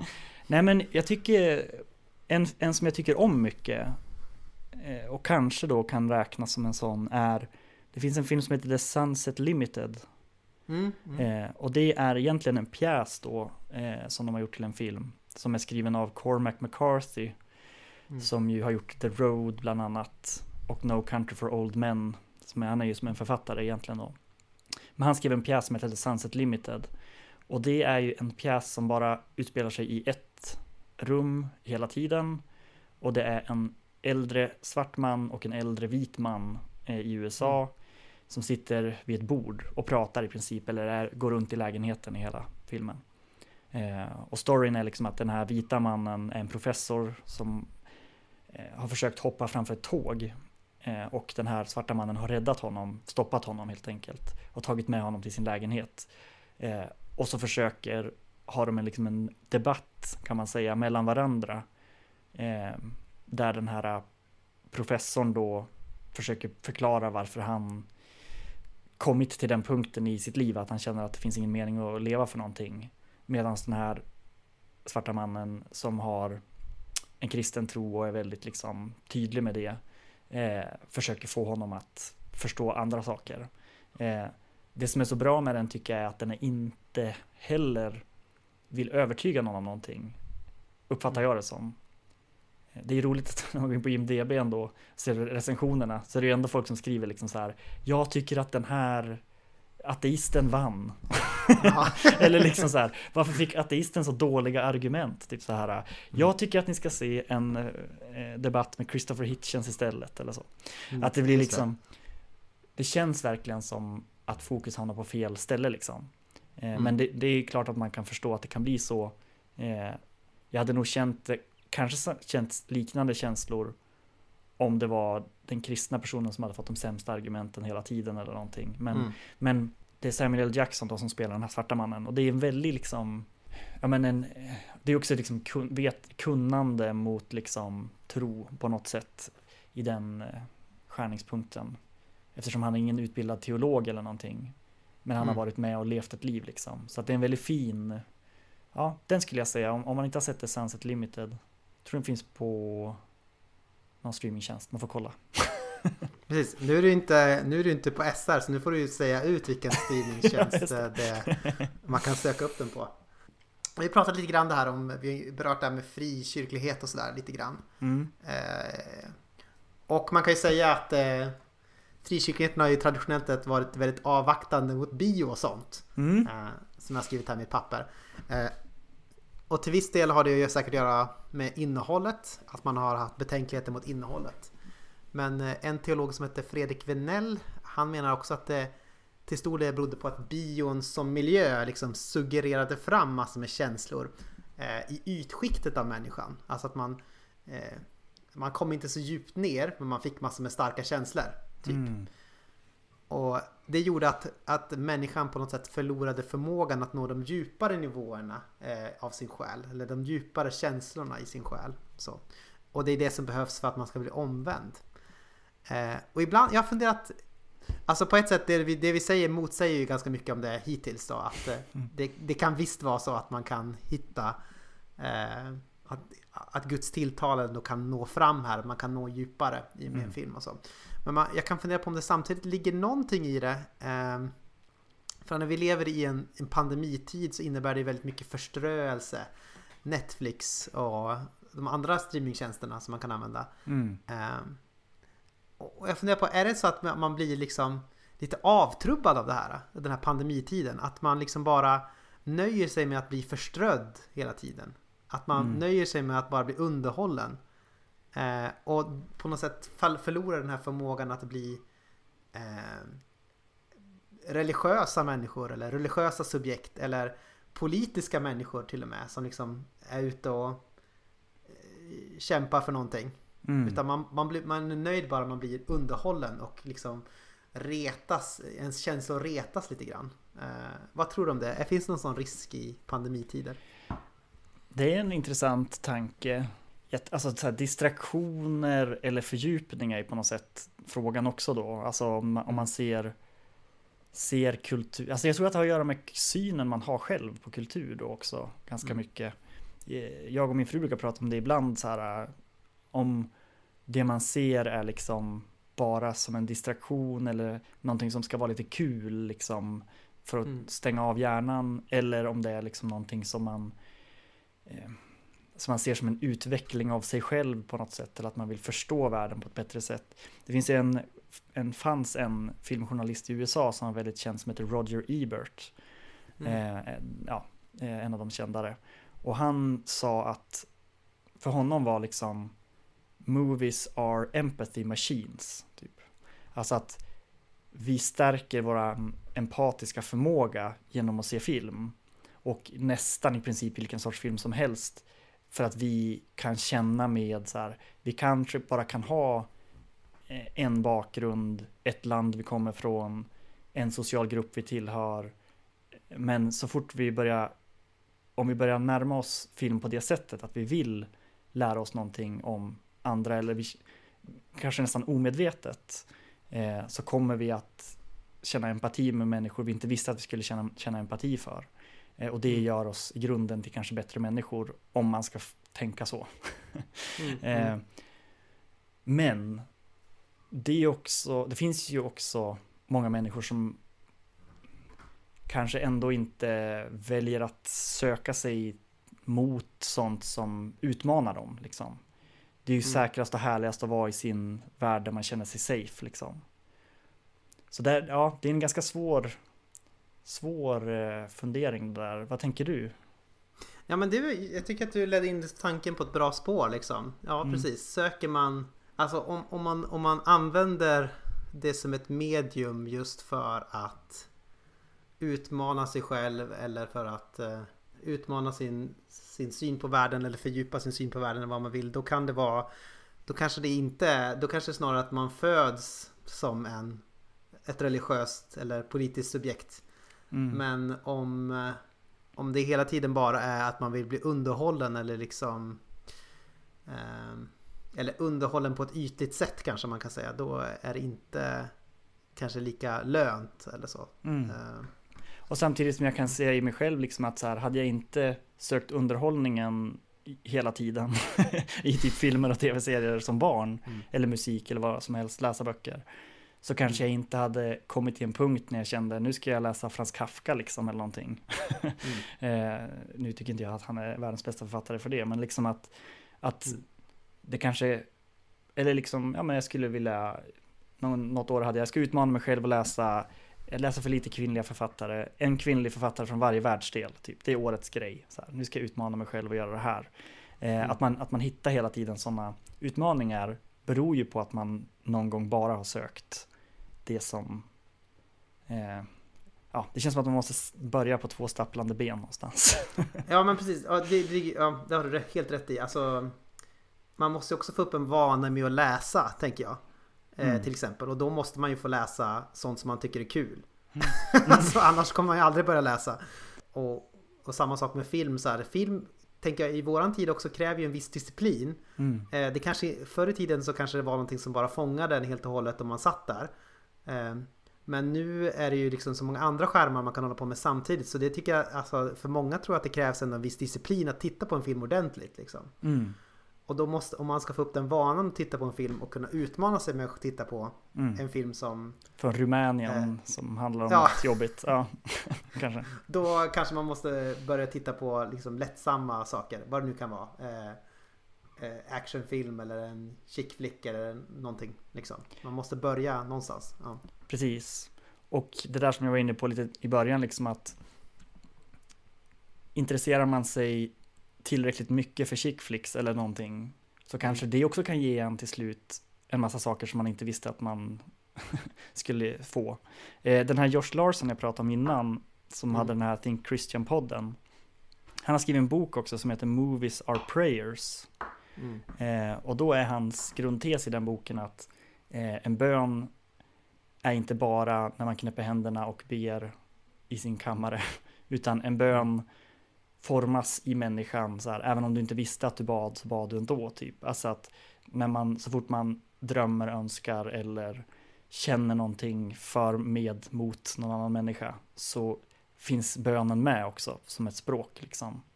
Eh, och då beroende på om man är kristen eller om man har annan tro eller vad som helst så, så finns eh, bönen med. Och då, då är den där eh, tanken, han lyfter in den då, så movies are prayers of joy kanske. Och då kanske han tar upp filmer som där, där man kan känna väldigt mycket glädje och eh, lust och så. Eh, eller movies are prayers of anger kanske. Där man känner själv att så här, varför, hur kan världen se ut så här? Det här är fruktansvärt liksom. Eh, eller movies are prayers eh, praise kanske. Att man känner Mm. när man ser en film som är väldigt vacker till exempel. Kanske man känner, eh, känner, känner det själv som en lovsång. Oavsett vad intentionen var från den som gjorde filmen en gång. Eh, Mm. Och det tycker jag också är ett fascinerande och eh, ganska spännande sätt att se på, på att ta del av kultur. Liksom. Eh, för det gör ju också att det här med om det är bara en distraktion eller om, om det då är en Adam Sandler-film, vilket vi Mm. har varit inne på här, så kanske man kan känna en sån grundglädje eller liksom en sån liksom, tacksamhet eller någonting eh, medan man ser den omedvetet. Och börjar man Mm. då tänka så här, börjar, har man det här perspektivet med sig så väcks ju många tankar till liv, tänker jag.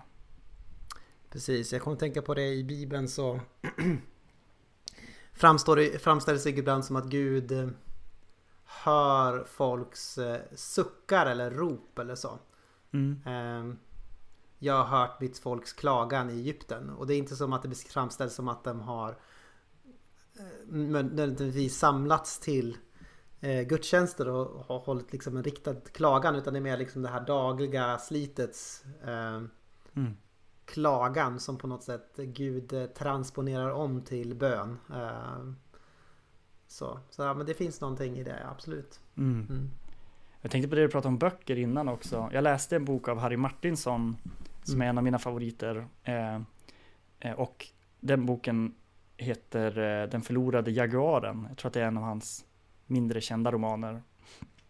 Men det som är kul med den är att den, det är typ en satir om hur film fördummar ungdomen. Typ. och det är så roligt för att eftersom han är en av mina favoritförfattare så var det som att jag inte visste, jag visste inte om vad den handlade om innan jag läste den men jag var väldigt så här äh, god, alltså jag var väldigt in, positivt inställd till boken redan innan jag började läsa den. Och sen så var det kul när den började handla om det tyckte jag. Sådär. Eh, och det är roligt också vilka exempel han lyfter fram.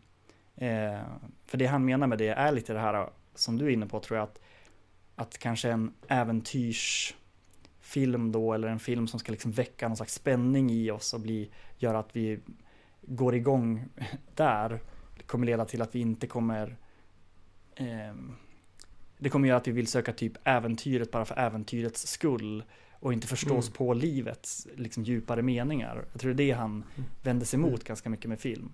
Och eh, den här boken är skriven på 40-talet liksom och hans exempel då på vad som är dålig film är Alfred Hitchcock. Vilket ju Jaha. är ansett vara liksom en av världens bästa regissörer genom alla tider. Eh, men att han då ser Hitchcocks filmer som liksom enbart spänningsförhöjande, liksom snabba kickar, ingen, Simulacra. Mm. ja, inget liksom Mm. vidare innehåll än så. Eh, och det tycker jag, det, det är intressant att, ko- att komma från en skönlitterär författare som verkligen värderar eh, historier och berättelser också på det sättt. Mm. Eh, ja, det, det, det, det är kul. Så det här med liksom fientlighet mot bio som någon slags eh, förfall verkar ju inte bara ha varit en kyrklig grej utan det skriver också Gunnar Hallingberg vet jag om i sin Mm. bok som heter Moderna läsare.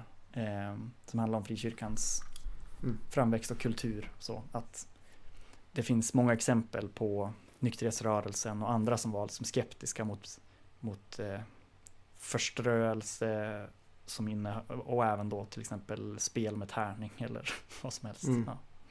Dansbaneeländet var ju någonting som flera ville komma till eh, rätta med, den frikyrkan liksom. ja, Också. precis, precis. Mm. Precis. Där får vi lite dåligt cred ibland. Att vi var, vi var, bara, vi var bara with it. eh, with our times liksom. Så, är det som att det var vi som ledde allting. Exakt. Alla hatkampanjer eh, mot bio. Finns det någon filmrelease du ser fram emot eh, i år? Oh, då måste jag nästan eh, plocka fram en sån här eh, fusklapp. Jag bygger upp någon slags lista så här eh, som jag tänker jag ska se alla de här filmerna och sen så kanske jag inte lyckas med det. Men förra året så såg jag ju hundra filmer. Ändå. Ja, det är bra jobbat. Ja, det, jag var nöjd med det. Eh, till slut. Hun- 100 filmer som släpptes 2021 alltså. Mm. Men, eh, och där var ju den här Nicolas Cage-filmen Pig verkligen eh, den bästa. Har du sett den? Ja, det är kul. Jag har inte sett den än. Jag har eh, fått tips om att jag ska se den av dig. Så att jag kommer göra det. Eh, Mm. Jag lovar. Det är också en film då, om man tänker med publiken som kanske lyssnar på det här avsnittet, att det är en ganska... Det är en film som ser ut att vara en hämndfilm. Alltså att Nicolas Cage är en, eh, liksom, en, en tryffeljägare, en sån som letar efter tryffel, som verkligen är en sån eh, eremit typ som bor i, ute i skogen med en gris eh, och tryffel, ett, ett tryffelgris helt enkelt.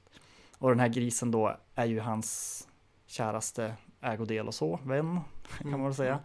Eh, och grisen, det första som händer är att den blir kidnappad. Och då kanske man tänker så här, okej, nu kommer Nicolas Cage döda alla människor som har legat bakom det här. Eh, för det är, det är lite den känslan som filmen bygger upp också, att man känner nu kommer det att bli en sån John Wick eller Taken fast med en gris eh, då. Mm. Men istället så vänder den liksom på förväntningarna och börjar handla ganska mycket om nåd skulle jag säga, på oväntade och väldigt fina sätt. Alltså, om vi ska se filmer som böner eller med, ur ett kristet perspektiv som inte nödvändigtvis var det från början så, rymmer de verk, så rymmer den här filmen verkligen ett sånt förlåtelse, kan man förlåta sig själv, förlåta andra, liksom, le, kan man leva med sin sorg, liksom. Mm. Det är inte taken med en gris, liksom. Mm. Eh, Taken är en av mina minst eh, favoritfilmer. Just det, ja, men då, det, är inte Taken då i alla fall. ja, vad bra. Eh, det är ju väldigt bra för de som inte gillar Taken. Eh, nej, men det är, jag har ju sån oändlig mängd med saker som man ser fram emot här. Men eh, till exempel då, det är lite Oscarstider här va? Så det är mycket sånt. Eh, En film som heter eh, Come On Come On, där Joaquin Phoenix spelar huvudrollen. Väldigt peppad på. Eh, men sen att blanda lite högt och lågt då, att, att jag tycker ju, jag ser väldigt mycket fram emot Jackass 4. Man skulle vilja se, hur är det att vara 50 år och bli stångad av en tjur liksom riktigt hårt? Ja. Eh, han flyger riktigt hårt i trailern i alla fall.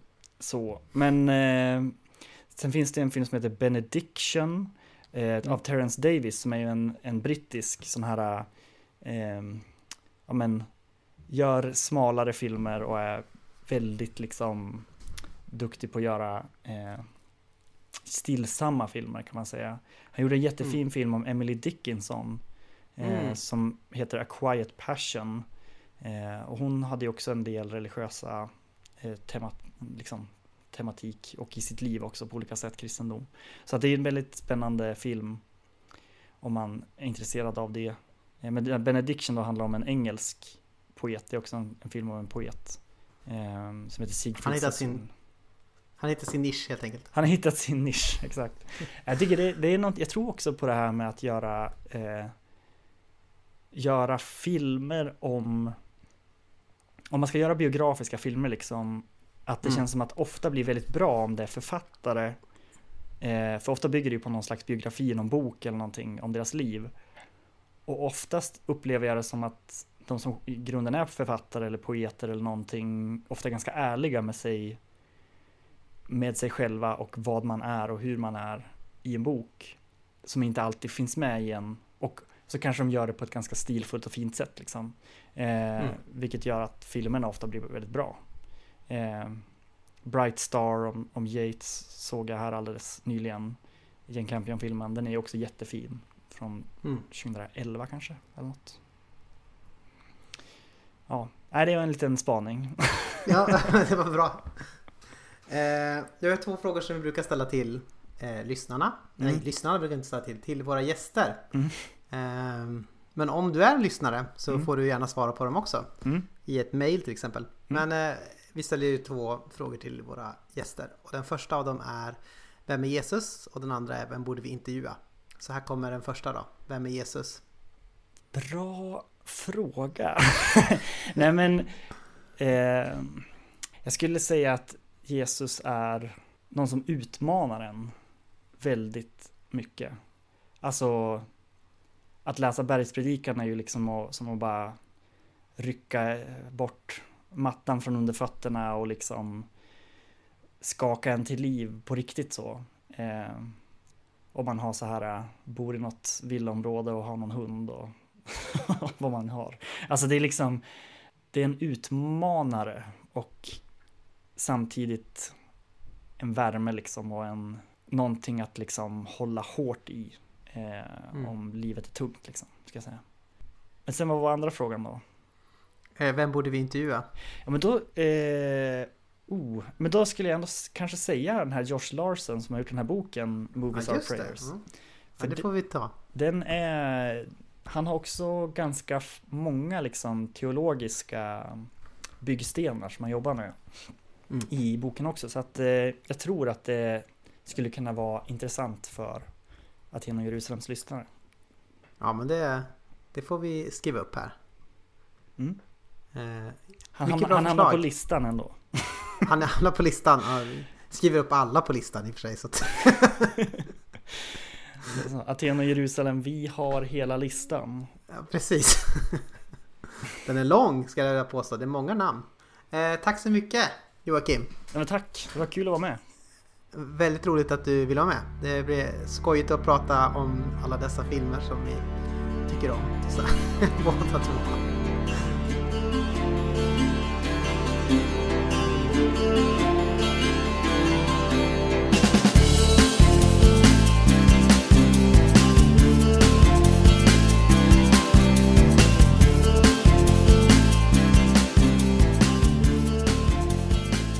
Välkommen tillbaka till eftersnacket. Wey! Nej, men det var eh, ett spännande samtal tycker jag. Vi har haft ganska akademiskt teologiskt tunga avsnitt på sistone. Eh, Så det är kul med ett annat slags teologiskt samtal. Ja visst, jättekul. Det kanske man inte får säga, men Jocke föreslog sig själv liksom Okej. som, som gäst här, att han Ja. sa eh, Jag kan vara med någon gång och då sa jag absolut, det fixar vi. Eh, om man vill eh, så kan man göra så. Ja, om, om du sitter där ute och, och att är kanske intressant. grämer dig över att vi inte har intervjuat dig. Eh, så du bara säger Hej! Jag finns! Ja. Eh, så. Nej men jättegärna. Ja, så det var väldigt kul. Jag blev glad över att han hörde av sig. Och, Ja. eh, så, det var sånt som jag inte skulle ha tänkt på själv. Men Nej. som jag tyckte när han pitchade tyckte var det är en superbra idé, så klart vi ska prata om det här. Ja liksom. men verkligen. Verkligen. Mm. Eh, populärkultur är jätteintressant. Mm. eh, att tänka kring och, och så. Det blir väldigt, ska säga, jordsnära, vardagsnära. Mm, mm, mm. Jag, jag lever ju närmare filmer än jag gör eh, afroamerikansk baptism liksom. Mm. Eh, och de flesta dagar. Ja. Så det, ja, men det är kul. Jättebra. Eh, tack Jocke för att du hörde av dig och för att vi fick intervjua dig. Vad har du tänkt på något speciellt när du har eh, lyssnat på den här intervjun? För du har ju redigerat också. Tack så mycket. Ja. En liten applåd. Ja, men tack. Så om det är något som blir jättekräft så vet ni vem ni ska skylla på. Mm, mm. Ehm, nej, men, nej men det var ett jätteintressant samtal. Eh, mycket jag eh, tänkte på och funderade kring. Det var kul att han ehm, Jag är inte den största fan av Adam Sandler just men Men eh, Inte jag heller direkt, men... eh, Men, det, det, men han har ju absolut en Jag gillar att han vill ha med mer Adam Sandler Mm, eh, och mm, den, den genren Ehm, Men en sak jag funderar lite kring är ehm, Han citerade någon eh, kulturjournalist tror jag det var, eh, som hade sagt att filmer är en slags empatimaskin. Mm. Det tyckte jag var intressant och det, alltså på sätt och vis tänker jag väl att det är väl all konst, eller det där konst är mer eller mindre. Um, att den liksom, det framställer känslor typ. Men samtidigt som det är liksom, är det verkligen all konst, eller det, all konst framställer väl känslor, allt framställer känslor typ, men det här, men med, som man sa, med att man får bredare perspektiv eller man får se annat och så. Jag vet inte riktigt om det fin- jag skulle vilja påstå, utan att vara jätteinsatt i just någon form av konsthistoria eller konstfilosofi eller något sånt, att det finns dålig konst. Jag tänker, ett exempel som jag tänker på är eh, God's Not Dead. Mm. Okej, Ja, ja, har du- absolut. har du Jag- sett den? Nej, jag, jag, jag har bara hört talas om den. Ah, okej. jag, Ja. jag, jag, av eh, sammanfattningen som jag har läst på IMDB så är jag inte så imponerad. Nej. Den, eh, ja, jag har då sett den. Ehm, Mm. när jag, Alla, alla fyra eller hur många är nej, det? nej, är bara den första. Ehm, jag hade inte klarat av mer. Oj, jag ser nu, en kom ut förra året redan. Oj, jag fattar inte. Just hur- det, Ja, är det- jag tror jag läste någon summary att det handlar om liksom hemskoleundervisning eller någonting sånt där. okej. Att de take the fight. Ja, nej, Mm, men eh, fint. Så bra att någon gör det. Tycker det. Mm, Nej, förlåt. mm. Nej men, eh, om man ska sammanfatta den på något sätt, det är en, en eh, student eh, som är evangelikal kristen, eh, Mm. som går med i en mm, filosofiundervisning av en ateistisk professor liksom. Och för att klara den här kursen, eller för att få godkänt så måste eleverna skriva under på, literally skriva under med, med namnteckning på att eh, Gud är död. Mhm. Och då är Josh, den här studenten, då, enda som liksom motstår den starka liksom, kristna. Känns inte som att det skulle hända på ett riktigt universitet. Nej, och det tycker jag är... Kanske i Kina möjligtvis på, på typ eh, 70-talet eller något. Ja, ja men precis. Men, men alltså det, det är en sån... eh, Det, det finns en subreddit som heter Persecution Fetish. Mm. r slash persecution fetish. Mm. Som oftast faktiskt är kristna, ibland generellt andra konservativa, men kristna som i USA som påstår sig vara typ förföljda eller förtryckta. Mm. Ehm, och den här filmen osar det.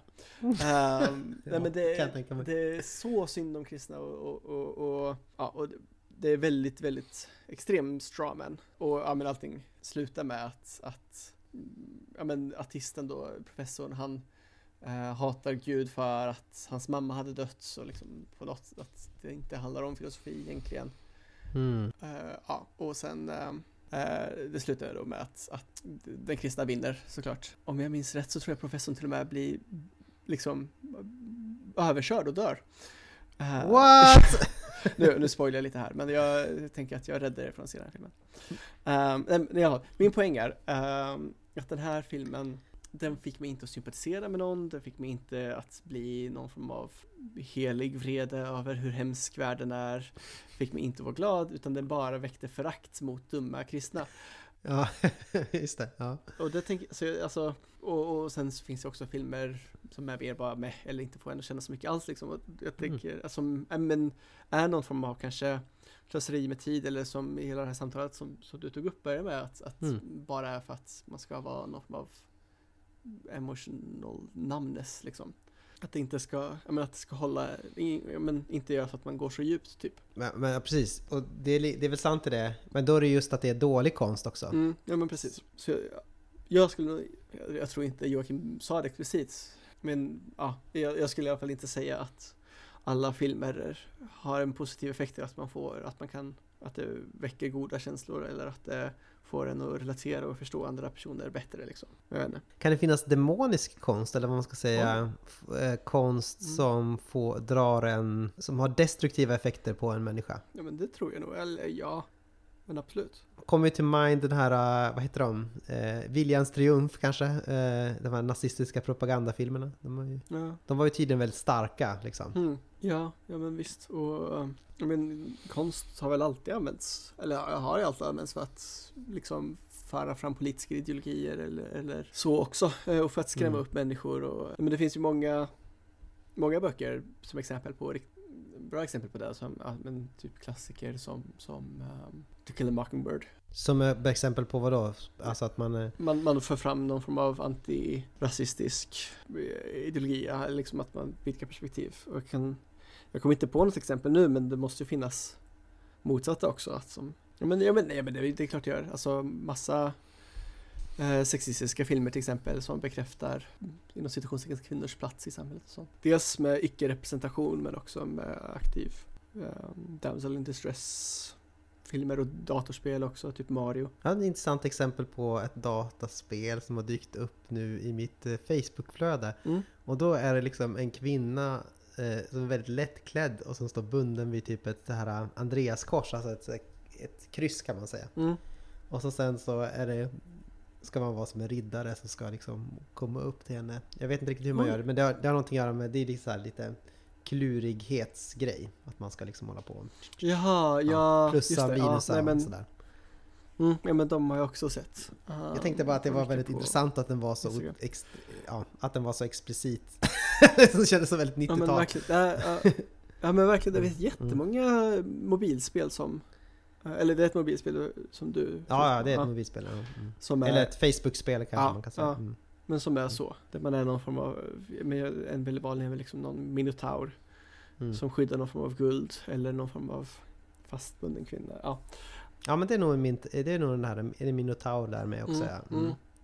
Och det är exempel på destruktiv konst skulle jag säga. Men är den eh, demonisk eller är den bara... Eh, man kan ju tänka också så här om, om jag får vara djävulens advokat en Mm. stund. Eh, man kan ju tänka att den har ju... Den försöker ju framföra någon... eh, Den, den försöker ju... mm, Det finns ju någonting som, är, som man kan säga är positivt i det här då. Mm. Man kan säga att eh, kroppslig skönhet är någonting som är positivt. Ja. Eller som är liksom eh, som är vackert och bra. Mm. Eh, och som är liksom en glädje för människor. Eh, och så. Absolut. Eh, både erotiskt och bara rent estetiskt liksom. Mm, Eh, men man kan väl tänka så att det här är på något sätt ett... Eh, att det gör någonting... Eh, att det finns någonting som är positivt här i grunden. Mm. Som man vrider om till någonting som gör det fel, typ. Ka- eh, Mm. Förstår Ja, ja men absolut. Ja, men absolut. absolut. Ja. Som typ en porrfilm kan man också kanske tänka att det är ju Positivt i grunden med sex. Ja, det är, det är fint eh, Eller sex är fint och bra liksom Mm. och sådär Mm. Men eh, det, eh, det iscensätts på ett sånt sätt som är exploativt, Mm. exploaterande Mhm. eh, Iscensätt som gör- och produceras på ett sätt som är exploaterande. och, och som är våld, kanske lite har liksom våldsamma inslag i sig och som Mm. kanske också eh, vad ska man säga Ehm, ja, men eh, som på, kanske gör en vara av människor är väl, Mm, är väl det mm. värsta liksom, Mm, kanske ja, på ett sätt. Prostitution.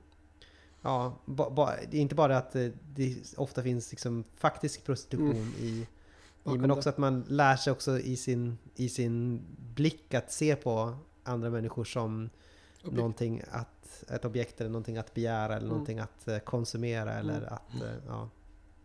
Verkligen. Så, ja, precis. Jag, det var bara det här med att det finns någonting bra i grunden kanske. Eh, om, man, om man söker ta bort många lager. Ja men visst, ja men verkligen. Det bästa som är eh, Alltså om inte typ allt Jag vet inte Men eh, demoniskt är väl gott i grunden som jag har förvrängt liksom um, Precis, om allt man, men, men om man tänker att demonerna är skapade, eh, eh, ja, om man nu, eller om man tänker att det onda är skapat av Gud men förvridet på något sätt. mm, Kan man ju säga. Då Mm. är ju allt, allting bär ju i sig någon sorts, något som i grunden är gott liksom. Mm. Eller så. Tolkiens mytologi är jättetydlig på det här Mm. Eh, väldigt explicit att, att um, Melkor eller Morgoth, den första stora onda stubben, ehm, Mm. vill skapa. Mm. men, men kan inte skapa. Det är bara, bara Gud som kan skapa. Ehm, eller framförallt skapa levande, alltså intelligenta varelser. Liksom. Ehm, och- men det Melkor kan endast, göra är endast att förvränga och förvrida. Liksom. Mm. både världen och, och, och alver och människor. Och så. Ja men det ligger väl någonting i det. Men om man tänker så att allting skapat är gott, då är det ju så. Mm. Att det finns någonting, någonting som är vackert också Mm, i det mm. mest, som är Så även me- dålig, mest depraverat. dålig konst är gott i grunden men det är förvrängt. Precis, det finns någonting i alla fall. Ja, destruktiv konst. Ja, precis. Mm. Ja. Men jag, jag skulle nog säga att Gasnat till och med är destruktiv för det polariserar och, och målar upp uh, icke-troende och ateister i ett väldigt hemskt sätt. Just det. Mm. Um, och målar upp kristna som någon form av överordnad människa. Liksom. Um, smartare och bättre på alla sätt, starkare och förtryckt. Och, Förtryckt för att de är så starka. ja, precis. Förtryckt för att de har rätt egentligen. Ja. Mm. Ja, ja men det är ju, eh, det ligger nog mycket i det. Mm. Absolut. Att eh, God's Not Dead är, ett, är inte ett filmtips. Nej. Och er samtal om uh, vilken sorts filmvåld är bäst våld tyckte jag var intressant också. Ja, vad bra. Mm, Mm. Kul. Vilken tycker du är bäst våld då? Vilken röstar du för? Ingen våld. Ingen våld. Totalt Nej, eh, nej, men alltså- icke, icke-våldsfilmer. Exakt. De bara löser saker genom att prata. Precis, diplomatisk. Och det, det, den, den bästa filmen i den genren är ju ehm, Arrival, tänker jag. Arrival var är det en diplomatisk film. Ja, det är ju eh, det är massor med aliens som kommer och så måste man lista ut vad de har för språk och vad de, Mhm. eh, hur de kommunicerar, vad de vill för någonting. Det låter intressant. Ja. Är det en bra film? Eh, jättebra, Okej, jättebra film. Arrival. Jag får kolla Ja. Eh, ab- absolut, det Mm. kommer ett filmtips till. upp. Ni, ja precis, ni som la era block framme, skriv den också. ja, gör det. Vad var det du skulle säga? Ja, eh, vilket slags våld är bäst på filmer? Ja, mm, mm, mm. Ehm, nej men, jag är nog lite i din kamp om att, eh, eller ditt läger heter det på svenska, Ehm, att mm, groteskt, realistiskt våld är bättre för att våld är groteskt. Mm. Ehm, men jag tycker inte om att se uh, äckliga scener. Um, jag är lite svagmagad så, eller svagmagad, jag mår inte illa men det... Men tycker, det, det, du, ja. det är inte njutningsbart för dig Nej. att titta på sånt. Nej, nej. Det, Nej. det är väl lite det som är poängen också. Ja, Eh, ja. så, men jag, jag behöver bli bättre på det här med att istället för att bara stänga av och stänga bort, att liksom tänka varför känner jag så här? Mm. liksom. För det, ja, det är absolut ett antal filmer som jag inte har tittat på eller serier. Också för att jag tyckte det var för groteskt. Mm. Game of Thrones till exempel. Jag Ja. såg kanske typ 15 minuter av första episoden. Det var länge sedan, jag kanske skulle klara av det bättre nu men sen inte mer. För att det var Nej så men våldsamt. ja, precis. Ja, den är ju... Jag har inte heller tittat på det. Nej, nej. Av lite samma anledningar. Mm. Eller jag vet inte om vilka anledningar det var. Jo men det var väl dels att ja, det kändes liksom bara så här liksom porrfilm med en Mm. väldigt bra berättelse typ. Mm. Eller något sånt där. Eller ja, känns konstigt. Mm. Konstigt att titta på.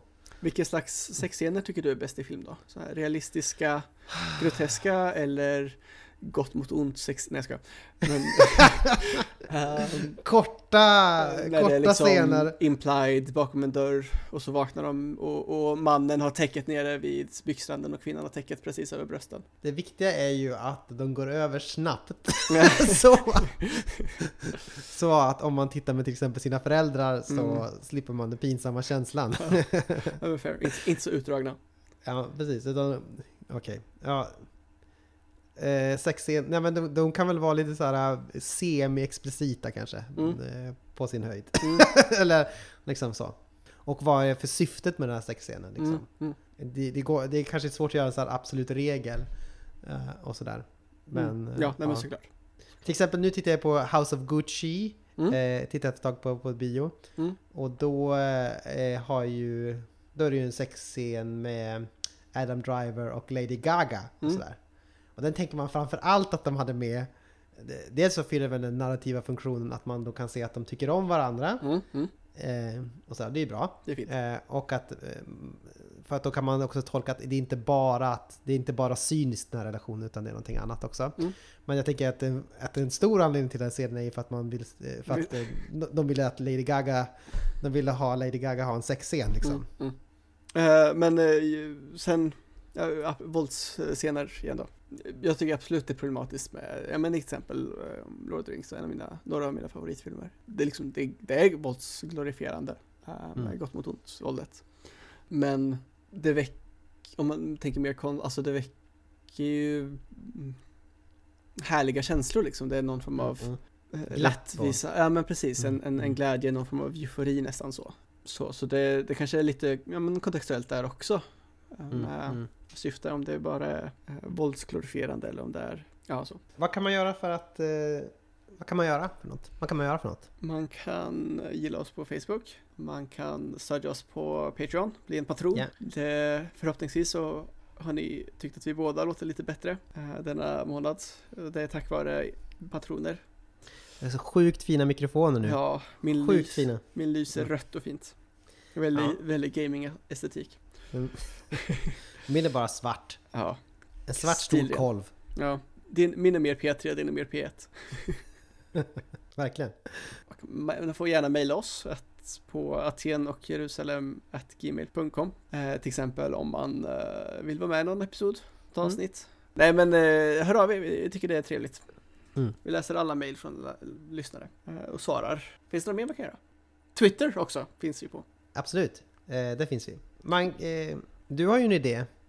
Ja, det här eh, frågan om eh, vem är Jesus? Tycker Mm. vi är intressant och det jag bara var en arma lyssnare som er Mm, mm, Ehm, Så funderar jag mycket på den frågan själv och vad jag skulle svara på det. mm, mm. Ehm, och jag tänker att det är flera av er som kanske tänker på det också. Mm. Uh, så om ni vill skicka in era svar eh, så får ni gärna göra det så kanske vi kan göra en episod av det i framtiden. Mm. Um, tänk Kan man skicka in den som ljudfil då kanske? eller? Ja, nej, men jättegärna en, en ljudfil. Eh, men sen Mm. om ni är väldigt skygga för er röst så, så kan det vara okej om ni skriver också så kan vi läsa, läsa in det. Men, Ja. men det är roligare med fler röster. Det är det, absolut. Det vore kul. Verkligen. Och det bästa sättet är ju mejla till oss. Absolut. Och Det tack för att ni sätt. lyssnat. Allt gott, Guds välsignelse. Ja, blod och eld. Amen.